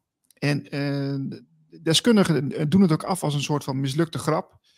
En, en of dat je dat al lezen, dat je dat dan uh, gaat doorkrijgen. Van ja, het, is wel, uh, het ziet er wel authentiek uit, maar hey, het is niet echt. Het is een, gewoon een grap. Een paar mensen hebben dat in die tijd bedacht. En uh, daar moet je gewoon niet te veel aandacht aan schenken. Maar Jan Ott, die ik heb geïnterviewd gisteren, die is er toch behoorlijk van overtuigd dat het authentiek is. En als dat zo is, laten we dat even aannemen, dan krijg je een heel ander verhaal van onze ware geschiedenis te zien. En uh, dan ga je ook die Friese cultuur veel beter begrijpen. En, uh, ja, maar, is, ik, maar is, het ook een, is het ook een verhaal waar dan ook weer dat het een beetje verdekt is? Dat, het, uh, dat er uh, waarheden zeg maar in zitten, maar niet specifiek? Ja, Ja, nou ja, ik, ik, heb, ik ben de eerste 50 pagina's heb ik nu gelezen, dus ik moet nog een, stukje. Maar eh, Jan die heeft het natuurlijk vertaald en die, eh, het begint met een aantal wetteksten, een aantal leefregels voor, voor de mensen, het ontstaan van de aarde, die dus drie uh, godinnen ehm, baart, waaronder Freya, de, een van de godinnen. En da, da, da, daar zijn de Friesen natuurlijk aan verwant, aan Freya. En die vertellen alle drie hun eigen verhaal. Die worden dus over de aarde, zeg maar, verspreid. Dus elke godin heeft dus zijn eigen plek. En, um, en dan vervolgens uh, gaat het ook over hoe, hoe er met macht om wordt gegaan. Want die Friesen kwamen uiteindelijk dus ja, verspreid over de wereld. Dus die, dat is ook een zeevarend volk geweest. en ja, kwam natuurlijk ook in Nederland en Denemarken kwamen ze terecht. Um, wordt gezegd. En, en nou ja, dat is heel interessant om te kijken van waarom waren zij nou zo bezig met die machten? Want je ziet dus eigenlijk hele mooie parallellen terug met deze tijd. Hè? Deze tijd zien we dus ook dat die machten uh, bezig zijn om die centrale macht uh, weer te, genereren. Wat, je is ook, wat, wat, wat Wim ook al net zei met onze bekende Klaus Schwab. Dat was natuurlijk ja, eeuwen voor de jaartelling ook al zo. Dus het is eigenlijk, is het eigenlijk niet, niet veranderd, maar in, een andere, in een andere vorm. En die Friesen hadden natuurlijk een, was een andere tijd, dus gingen op een andere manier gingen, gingen ze daarmee om. En ze, ze, ze praten dus over, over hun verzonken, of nou ja, gezonken land is misschien, uh, ja, gezonken land staat er ook in, Atlant. En uh, mensen zeggen dat dat um, ja, Atlantis zou zijn. En dan zou dat ook betekenen dat de, de Friesen uh, afstammelingen zijn van het oude Atlantis.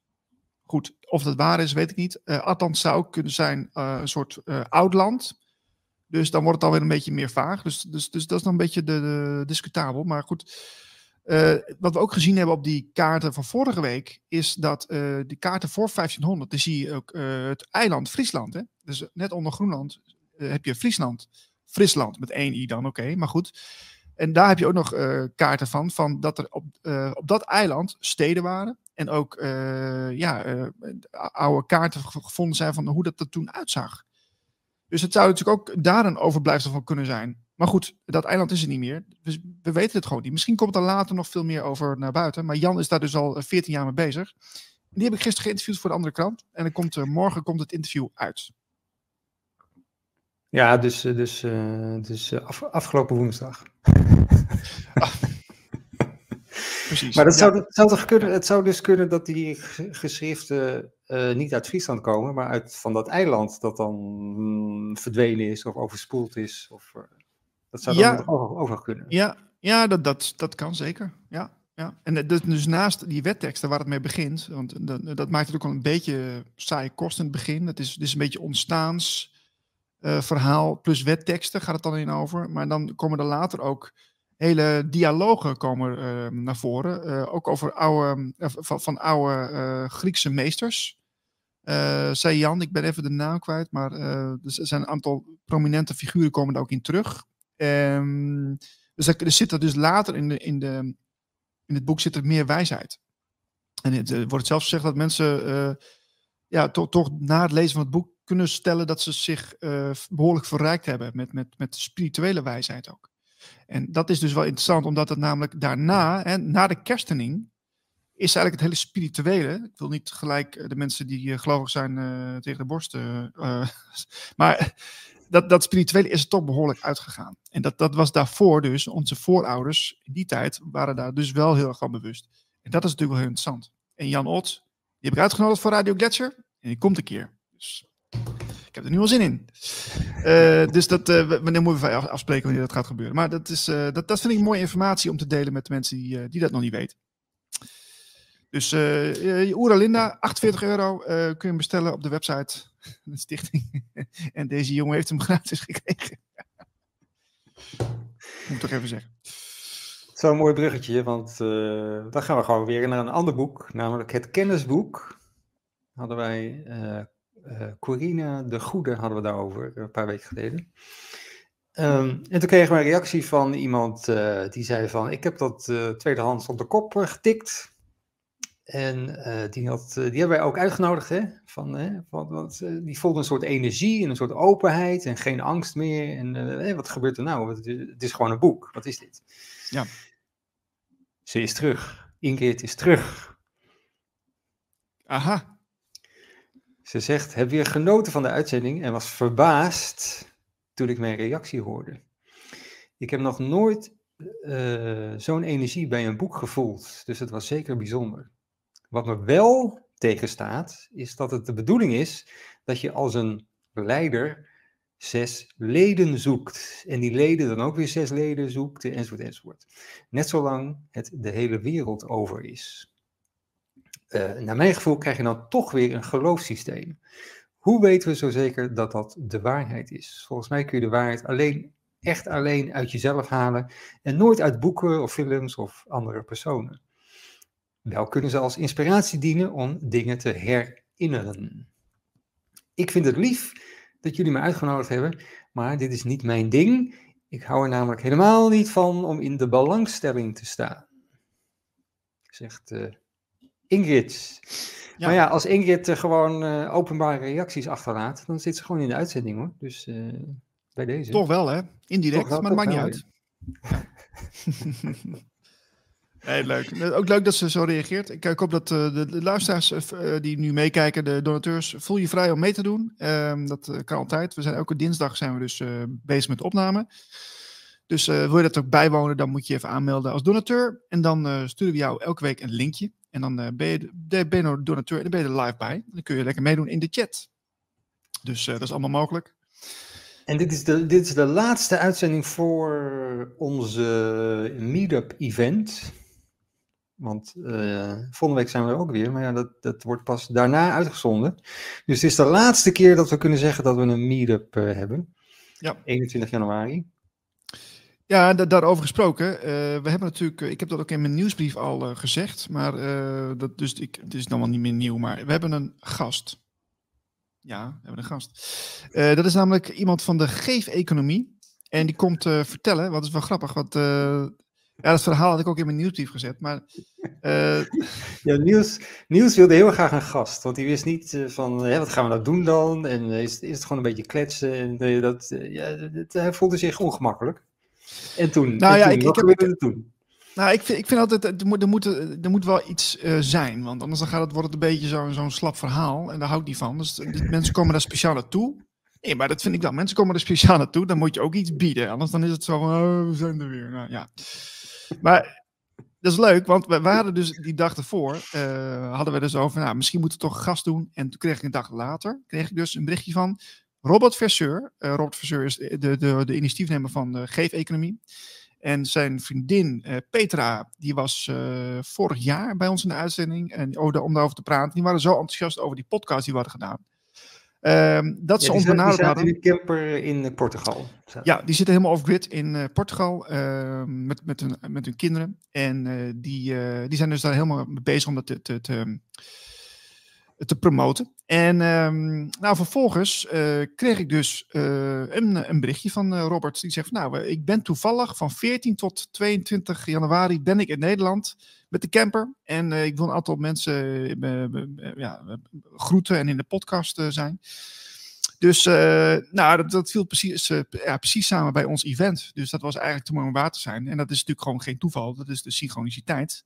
Dat dit soort dingen je toevallen. En dan, dan, dan, heb je die gast, die, komt zo, die wordt zo in je schoot geworpen.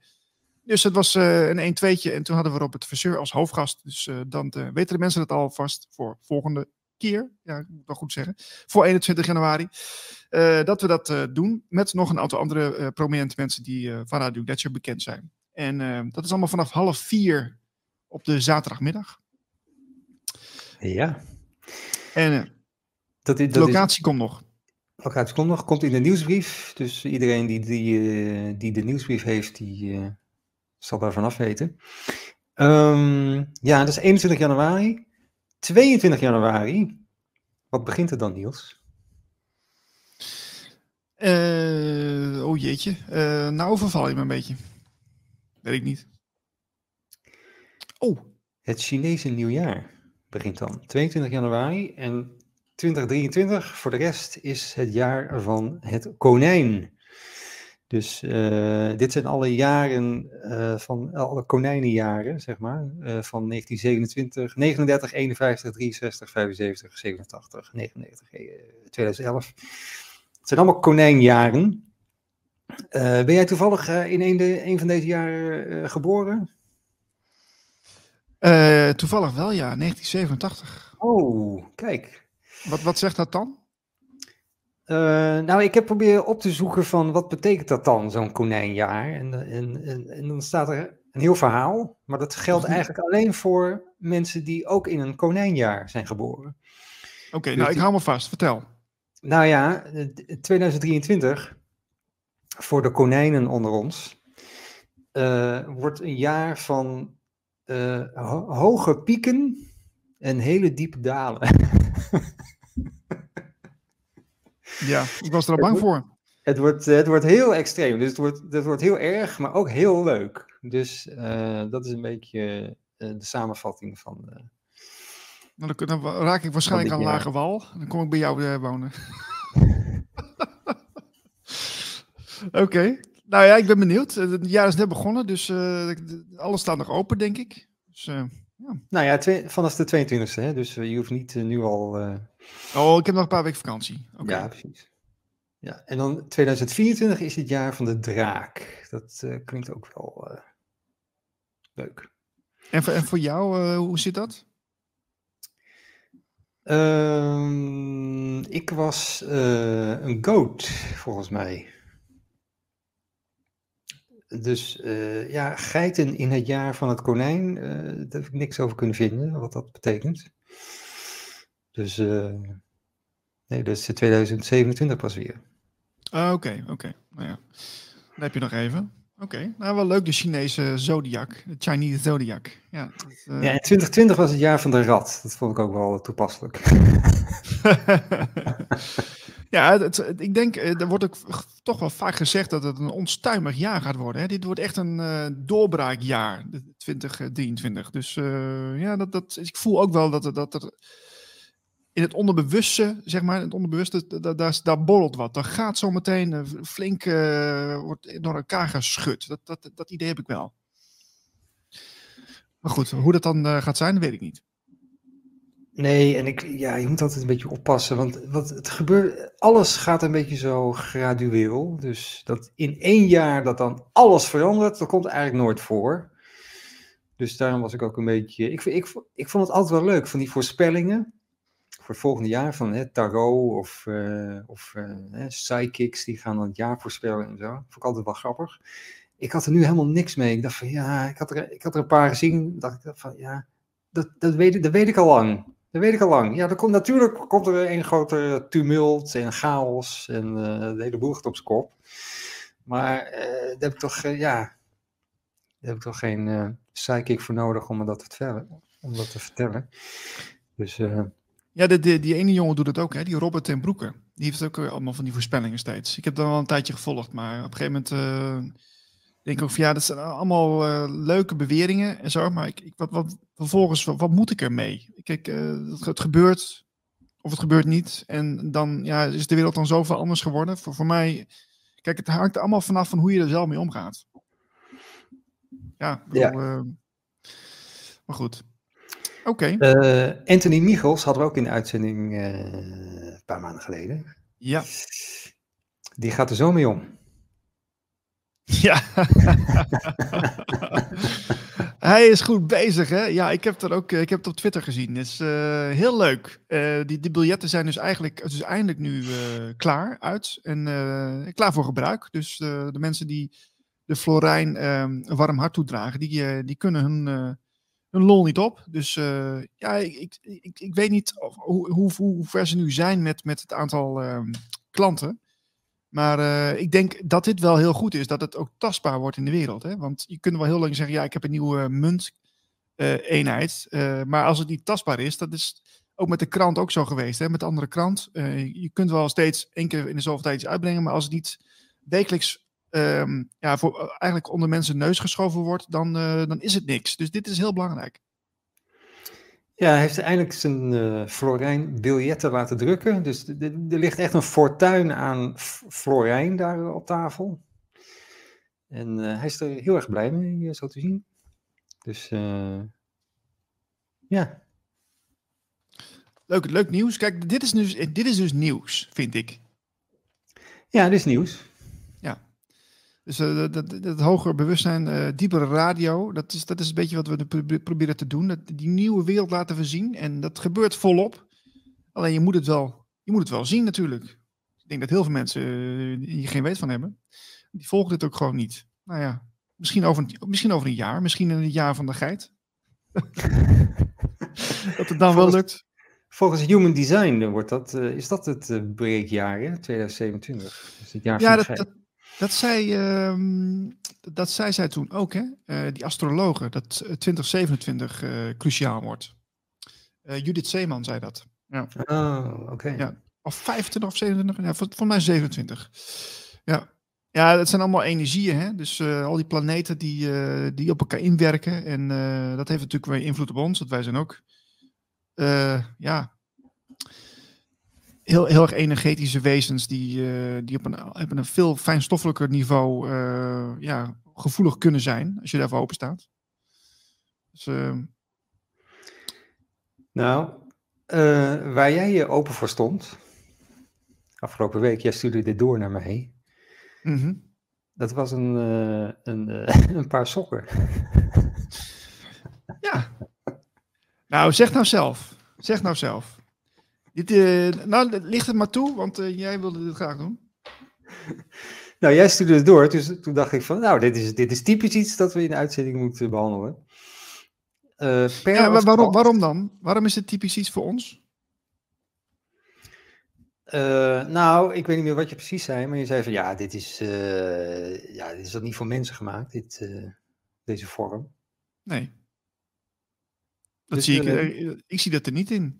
Nou ja, we gaan is... even kijken wat het is. Deze sokken zijn gemaakt. Dit, dit komt van de website van uh, Collections, van een of ander museum.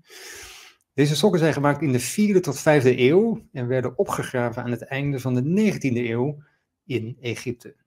Ze hebben een divided toe, een gespleten teen, en zijn speciaal vormgegeven om in sandalen te kunnen worden gedragen.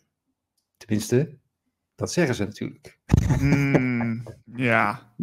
Nou ja, kijk, je hebt natuurlijk uh, op die, in, in die um, piramides en op die, uh, de, de muren die je uh, met al die schilderingen hebt kunnen zien de afgelopen jaren, als je het een beetje onderzocht hebt, dan zie je ook gewoon grote wezens, vogelachtig bijvoorbeeld, en met, met, met, met dit soort ja, voeten, poten.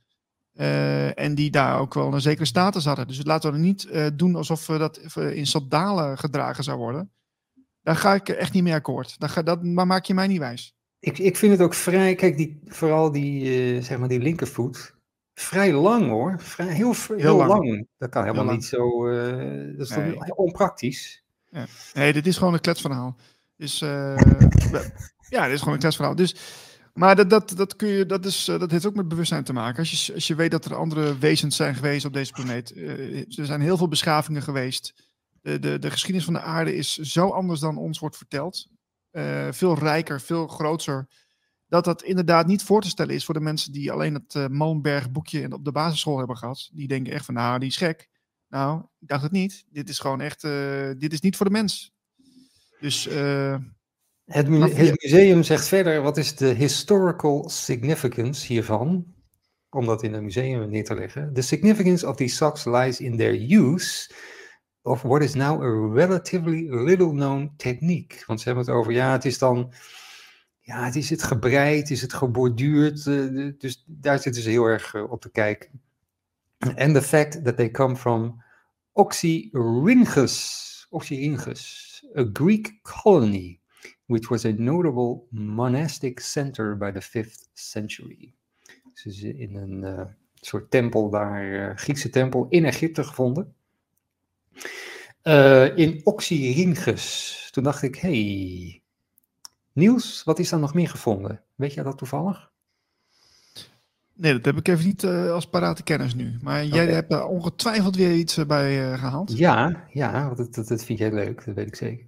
Oké. Okay. Oxyrhynchus, uh, daar zien we waar het ligt. In de, in de Egyptische oudheid was er een dorp op de plek, genaamd Permedjet. De plaats werd pas belangrijk na de verovering van Egypte door Alexander de Grote in 332 voor Christus. Het werd toen een Griekse stad met de naam Oxyrhynchon Polis. Stad van de vis met de scherpe neus. Oké. Vanaf 1896 is er in het gebied rondom Oxyrhynchus onafgebroken gegraven, waarbij een grote collectie teksten op papyrus uit de Griekse en Romeinse periode is gevonden. Men heeft er onder andere toneelstukken van Menander gevonden en het evangelie van Thomas. Komt daar vandaan. Aha. Het stadsgedeelte van Oxyrhynchus is nooit opgegraven, omdat er nu een nieuwe Egyptische stad bovenop staat. Dus er zit nog veel meer in de grond. Maar dat halen ze dus eh, er niet uit. Nee, nee zoals zo vaak, hè? Dus, uh, we, zijn de koningin geworden om, uh, om gewoon een beschaving op een beschaving te bouwen. En dan komen ze er, als ze een beetje gaan graven, komen we dachten van... hé, er zit toch ook nog iets anders onder de grond? Nou, verrempeld. Dus nog een muur en nog een muur. Nou, ja, dat is... ja, ik sta er niet van te kijken, maar ja... Ik, als je, ik, ik heb dus net het Oeralinda verhaal naar voren gehaald. Nu haal jij weer een verhaal van de, wat er allemaal onder de, de steden ligt dan kom je al heel snel uit bij bijvoorbeeld een theorie, die heet Tartarië, daar hebben we ook al eerder over gehad. Ja, dat, ik zie er ook wel eens regelmatig kanalen van die daar weer een update over doen. En ja, daar kunnen we ook wel eens een keer weer induiken. Maar het is, het is voor mij, ehm, dat, dat, het, is een hele grote puzzel, die ges menselijke geschiedenis. Dat is, daar kunnen wij zelf niet uitkomen, denk ik. Het is, dat gaat heel lang duren voordat wij gaan begrijpen wat er op deze knotsgekke planeet, als je het een planeet wil noemen nog steeds, uh, wat, daar, wat daar gebeurd is de afgelopen jaren, uh, eeuwen. Wat, wat denk jij? Zit ik een beetje goed bij mijn samenvatting? Ja, ik moet altijd denken dat het, het ligt aan, aan de sferen of aan de dimensies. Dus er zit nog heel veel. Ja, ik heb toch, ik heb toch zo'n zo idee dat als we dus gradueel ook weer van 3D naar 4D, naar 5D en zo, hoe je dat ook wil noemen. Um, maar daar gaan we gewoon heel geleidelijk doorheen. We stijgen zeg maar langzaam op in de dimensies. En als we dan in 4D zitten, dan gaan we hele andere dingen vinden in de grond bijvoorbeeld. Die in 3D helemaal niet te vinden zijn. Uh, net zoals vorige week hadden we Dick van der Dol, die zei ook, ja, er zitten allemaal, gewoon, er zitten allemaal wezens in, in de grond ook. Uh, mm. die, die kunnen we niet zien, maar die zijn er wel. En als oh, we dan stijgen, dan gaan we die wezens dus ook zien. Ja, oké, okay, oké. Okay. Dus, uh, dat, maar dat heeft met ons collectieve bewustzijn, ons waarnemingsvermogen te maken. Maar die wezens die zijn dus voor, voor een groot deel van de mensheid nu nog niet te zien, maar voor, voor, de, voor, voor sommigen ook weer wel dus. Nou ja, en die wezens waren ook te zien door de, door de mensheid. Uh, misschien in het oude Egypte of misschien daarvoor nog. Ja. Uh, ik, ik, ik, een, van de oorzaken, een van de oorzaken waarom, waarom dat nog steeds niet lukt, en we hadden het net met Wim ook even over, uh, ja, dan hebben we toch het woord hypnose genoemd, maar dat is toch wel zo. Dat wij, we zitten in een collectieve mindhack, die, die ons alleen maar het driedimensionale waarnemingsvermogen heeft geprogrammeerd. En daardoor is het, is het uh, voor heel veel mensen ook niet mogelijk om uh, die andere laag, hè, noem het de vierde uh, dimensie, om dat te kunnen waarnemen. En omdat we zo daarin vastzitten. En omdat natuurlijk, um, er zit, er zit een angstcomponent in. Want als je wel durft te erkennen dat er een andere wereld is, of meerdere dimensies zijn, ja, dan, dan val je buiten de boot. En uh, dan krijg je het ook zwaar in, dit, in, in, in de maatschappij zoals die nu is vormgegeven. Nou, dat hebben wij aan, de lijf ondervonden, tenminste ik wel. Uh, je, je, je, je, je moet daar een creatieve, ja, tenminste dat is mijn visie, je moet daar een creatieve vorm aan geven of iets, iets mee doen, uh, zodat je ook je eigen energie kwijt kunt. Want als je het gaat oppotten, als je het alleen bij jezelf houdt, ja, dan, dan denk ik dat je heel snel ehm, ongelukkig wordt. Ben ik nog heel voorzichtig hoor. um, nee, ik word ook weer uh, iemand die gelukkig nieuwjaar doen mensen nog steeds. Hè? Dus gelukkig nieuwjaar, ja. Ja, ik krijg je dat ook vaak, uh, mensen die jou nog uh, gelukkig nieuwjaar wensen. Ik ben thuis met Wim helemaal niet gedaan. Wim, nog de beste wensen, Wim. Wim! Ik weet niet of Wim nog is, maar... Nee, Wim is... is Hij is alweer weg, ja. Maar, nou ja, goed. Maar oké. Nee, eh, eh, je, je, kijk, je, je kan zeggen, ja, mensen zitten daar vast in en er is eh, angstcomponent en er is conditionering. Dat, dat, dat, is ook allemaal aan de gang. Maar mensen doen het ook zelf. Die, die zetten een soort ja, illusie neer of een werkelijkheid neer. Zo is het. Op een bepaalde dag bijvoorbeeld. Van, hè, met, met kerst. Van, het, is, het is een hele speciale dag. Het is een hele speciale dag. Ja, dat vind jij. Dat, er is helemaal niks ook te zien waarom het speciaal is.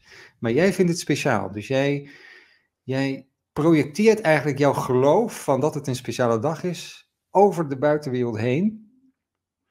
En zo, zo ga je de, weer, de wereld dus ook zien. En zo ga je daarna gedragen ook. Je gaat heel ander gedrag vertonen op die dag. Alle- Alleen maar je- omdat je denkt van, ja, er is iets mee hier. Vandaag. ja, dat, dat, is je, dat is je dan heel vakkundig wijsgemaakt.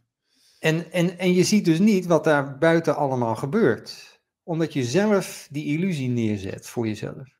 En dat, Ja, dat, wordt, dat wordt wel ook bewust gedaan door mensen.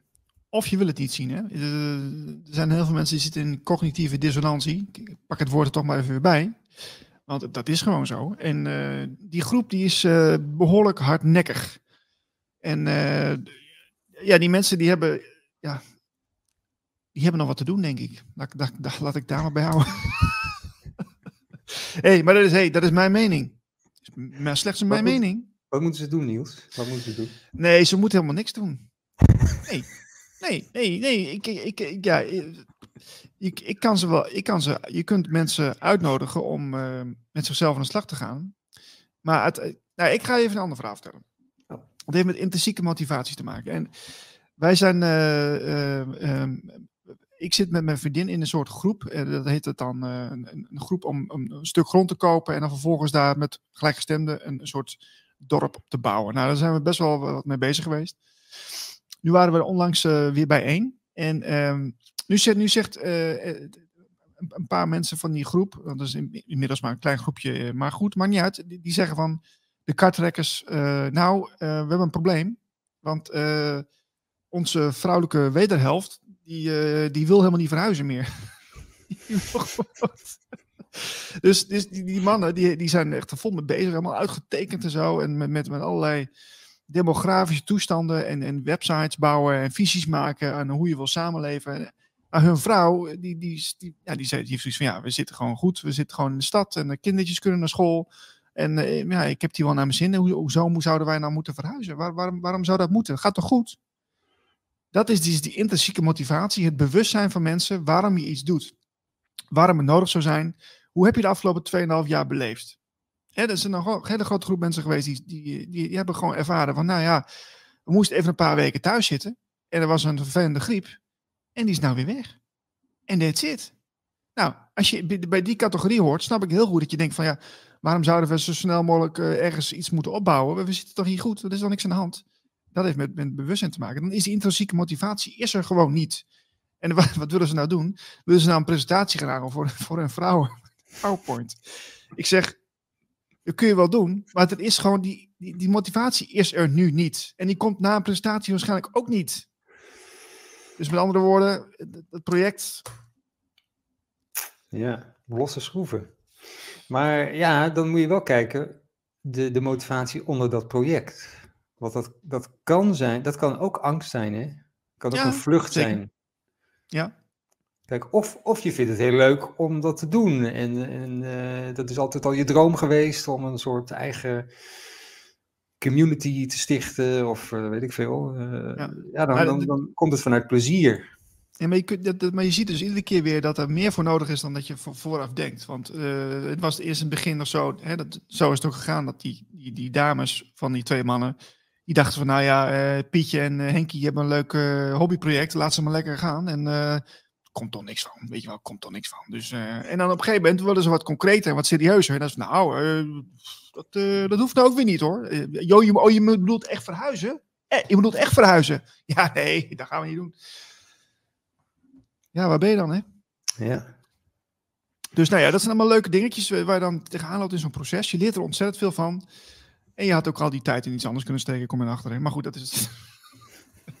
dat is het leven, jongens. Oh man. Iemand die eh, volgens mij niet echt verhuisd is, maar wel eh, over de, over de wereld heen reist, heb ik het idee, is uh, Marieke Bertens. Oh, maar ik dacht dat zij toch behoorlijk honkvast was. Nee hoor.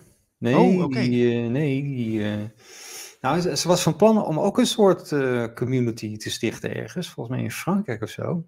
Maar ze is nu volgens mij aan, aan de reis. Aan de reis. En uh, zij gaat dus ook naar België en Nederland af en toe, naar speciale steden, om daar de energie uh, te voelen en een soort van te filteren en, en te helen.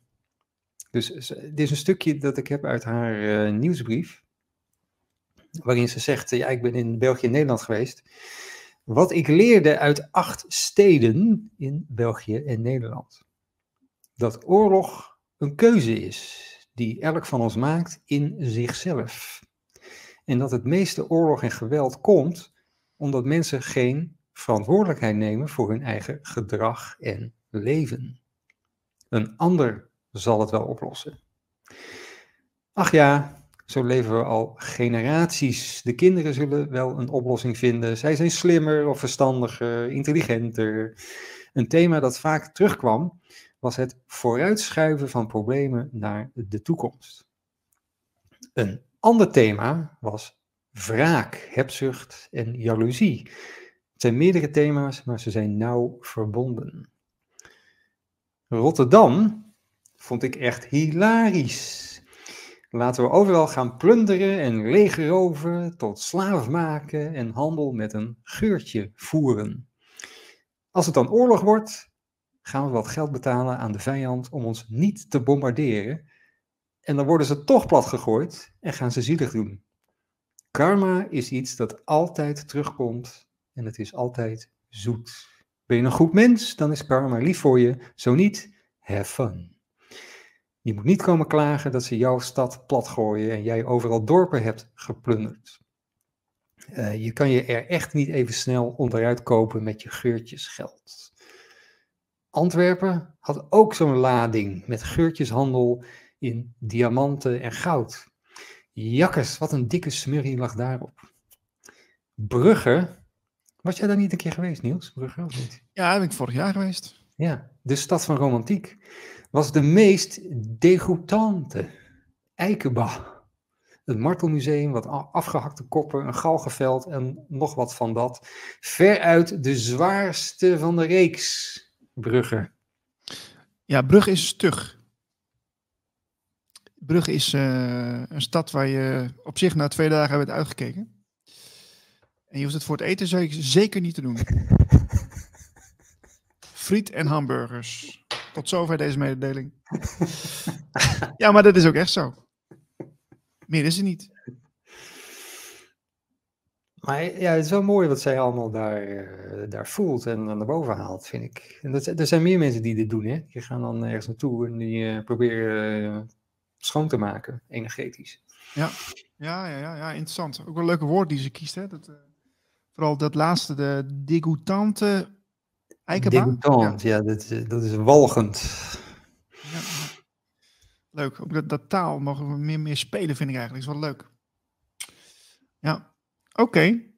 Nou, misschien leuk om, Marieke weer een keer uit te nodigen. Misschien in de zomer of zo, als ze weer tijd heeft. We dan even weer een update doen vanuit uh, het mooie België.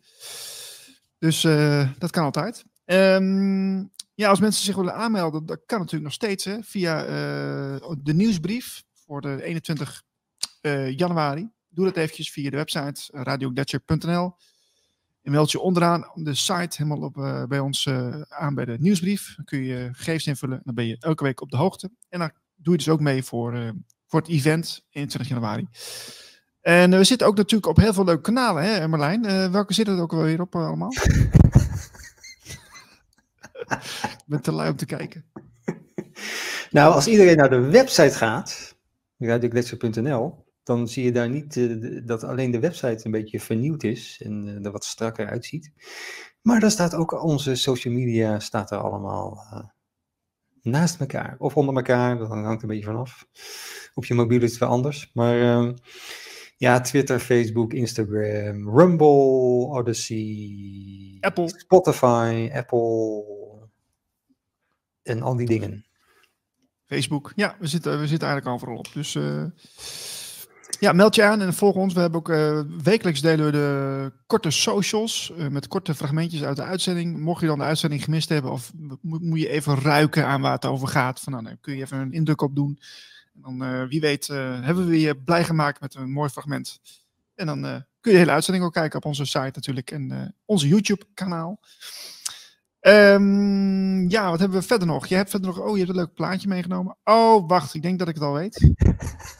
dit is weer zo'n zo zo leuke. Dan moet je kijken wat erin zit, of niet? Ja, deze hebben, deze hebben we al een keer gehad. Dus uh, ja, ik, ik kan hem niet meer op, op de verkeerde manier zien. Ik weet niet hoe die, hoe die in elkaar zit. Maar uh, je moet een beetje scheef zo kijken. Hè? En dan zie je, oh ja, ja, hij ligt daar gewoon. Hij ligt daar gewoon. Ja, ik zie de hond inderdaad. Ja, ja, ja. ja, ja, dus die hebben, we, die hebben we een keer uh, eerder gehad. Uh, deze ook. Dat was ook zo'n ja. rare. Ja, dit is een hele rare. Dit, is... dit was gewoon op NBC, NBC News of zo. En het was iets van uh, de VN of zo, zoiets. En, en er kwam opeens dit beeld voorbij. Ja, ja, nog steeds. Ik ben uh, nog steeds uh, niet. Uh, ja, zou het dan toch gewoon Photoshop zijn? Anders is het gewoon een buitenaards wezen. Nee, het staat, het staat op de officiële, officiële YouTube-kanaal van NBC. Dit. Oké. Okay. Ja, dat is, oh, dat is niet bewerkt dus. Nee, ja, dat, dat, ja, ja, nee, dat ja, lijkt me niet. Lijkt me niet. Maar ah. goed. Daar, daar zijn we dus nog niet uit. En ik heb nu een nieuw plaatje. Zelfde categorie? Oh. I was checking out this goat, dog, pig, hybrid chupacabra looking animal thing for way too long before I realized it. Zie jij het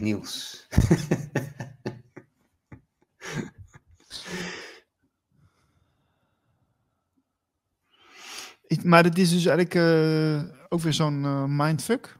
Ja. Mm, nee. Ja, het, het, lijkt, het lijkt een beetje op een varkentje, maar dat is het dus niet. Nou, vertel. Ja, het is heel. Kijk, het, het is wel grappig, want je moet het ook weer eh, zo een beetje zo schuin zo bekijken. En dan zie je, oh ja, dat, dat ene oor, dat is de snuit. Ja, ja, ja, ja. Oh ja, nu zie ik het ook. Nu zie ik het ook. Ja, dit is gewoon het, het oog zie je dan uh, in het midden. Ja. ja, maar als je dan weer ervoor ja. gaat zitten, je, je, je, je blik wil, wil dat gewoon niet zien. Ja, ja, ja, ja ik zie het. Je, je blik, die, dat switcht zeg maar terug steeds de hele tijd. Ja, het, het heeft het hoofdje gewoon schuin liggen en de, de, de rest, uh, ja. Ja. Alright. Ja. Ja, dus er zijn altijd leuke plaatjes uh, te vinden, hè? ook uh, op social media. Zit je trouwens nog veel op Twitter of niet? Nee, uh, niet, uh, niet echt. Nee. Hmm. Ja, ik ook weinig. Alleen maar om eigen dingen te delen, maar ja. Mensen, mensen zijn op Twitter natuurlijk bezig met de mening. Hè? Dus ik, ik, ik, ik, ik, ik merk de laatste tijd ook dat ik steeds minder de neiging heb om die mening uh, ja, te verkondigen. Ik, ik wat laatst ook weer helemaal um, werd ik even verleid om uh, dat, dat ene bericht over dat er steeds meer mensen um, last hebben van, van, uh, van, van het gebruik van gas. Uh, dat was ook op Hart van Nederland was een berichtje van. Hè, die mensen krijgen klachten door het gebruik van gas op gas te koken, weet je wel? Ja, Toen werd, ik ook, ik werd heel, astma van gas. Uh, dat was het, ja. En ik was heel veel getriggerd om daar eventjes een, een, een, geciteerde tweet over te maken. Maar ik heb het niet gedaan. ik dacht, nou ja, weet je. Jij, jij wel? Ja, want ik, ik heb ze allemaal verzameld. Want ze hadden allemaal hetzelfde bericht natuurlijk. Allemaal op hetzelfde moment. Heel, heel toevallig. Telegraaf, Hart van Nederland, Parool, uh, NRC, AD. Hadden allemaal hetzelfde bericht. En ik heb er allemaal boven gezet. The evil face of propaganda. Nou, ik, wat, dat, ik wou eigenlijk exact hetzelfde zeggen. Of, of iets in die strekking, propaganda. Maar ik denk van ja, ik wilde eigenlijk iets met een knipoog doen van dit is propaganda, maar dat weten jullie toch al. Weet je, zoiets. Maar, ja. Voor degenen die het nog niet weten. Ja, ja. Ja. Hebben echt niet opgelet op, op school vroeger, hè, wat propaganda is. mensen. Nee, ja, nee. Dat, dat is toch ook iets wat gewoon. Je, je leert niet van het verleden. Dat wordt altijd Nee. gezegd, maar dat eh, gebeurt dus gewoon niet. Nee. Je, kan Dus- het, je kan het honderd keer herhalen en dan komt het in, in een net even andere vorm komt het voorbij en dan herken je het niet. Ja. Ik heb nog één dingetje. Oké. Dat is wel een, ook weer een beetje eh, vooruitkijken. Van Nina Elshoff. Zij is een keer bij, volgens mij, ehm, bij Peter Tonen geweest. Bij Café Weltsmerch. Dacht ik. Zou kunnen. Ehm, dus daar kennen we haar van. Echt mens zijn, zegt zij. En zij is, zij is van de Nine Star Key. Dus dat is dat eh, ook. eh, Ja, ken ik. Oké. Ehm, dat is een beetje lastig uitleggen wat het precies allemaal inhoudt. Maar het is een soort, soort spiritueel, wiskundig-achtig eh, Chinees is het geloof ik, oorspronkelijk.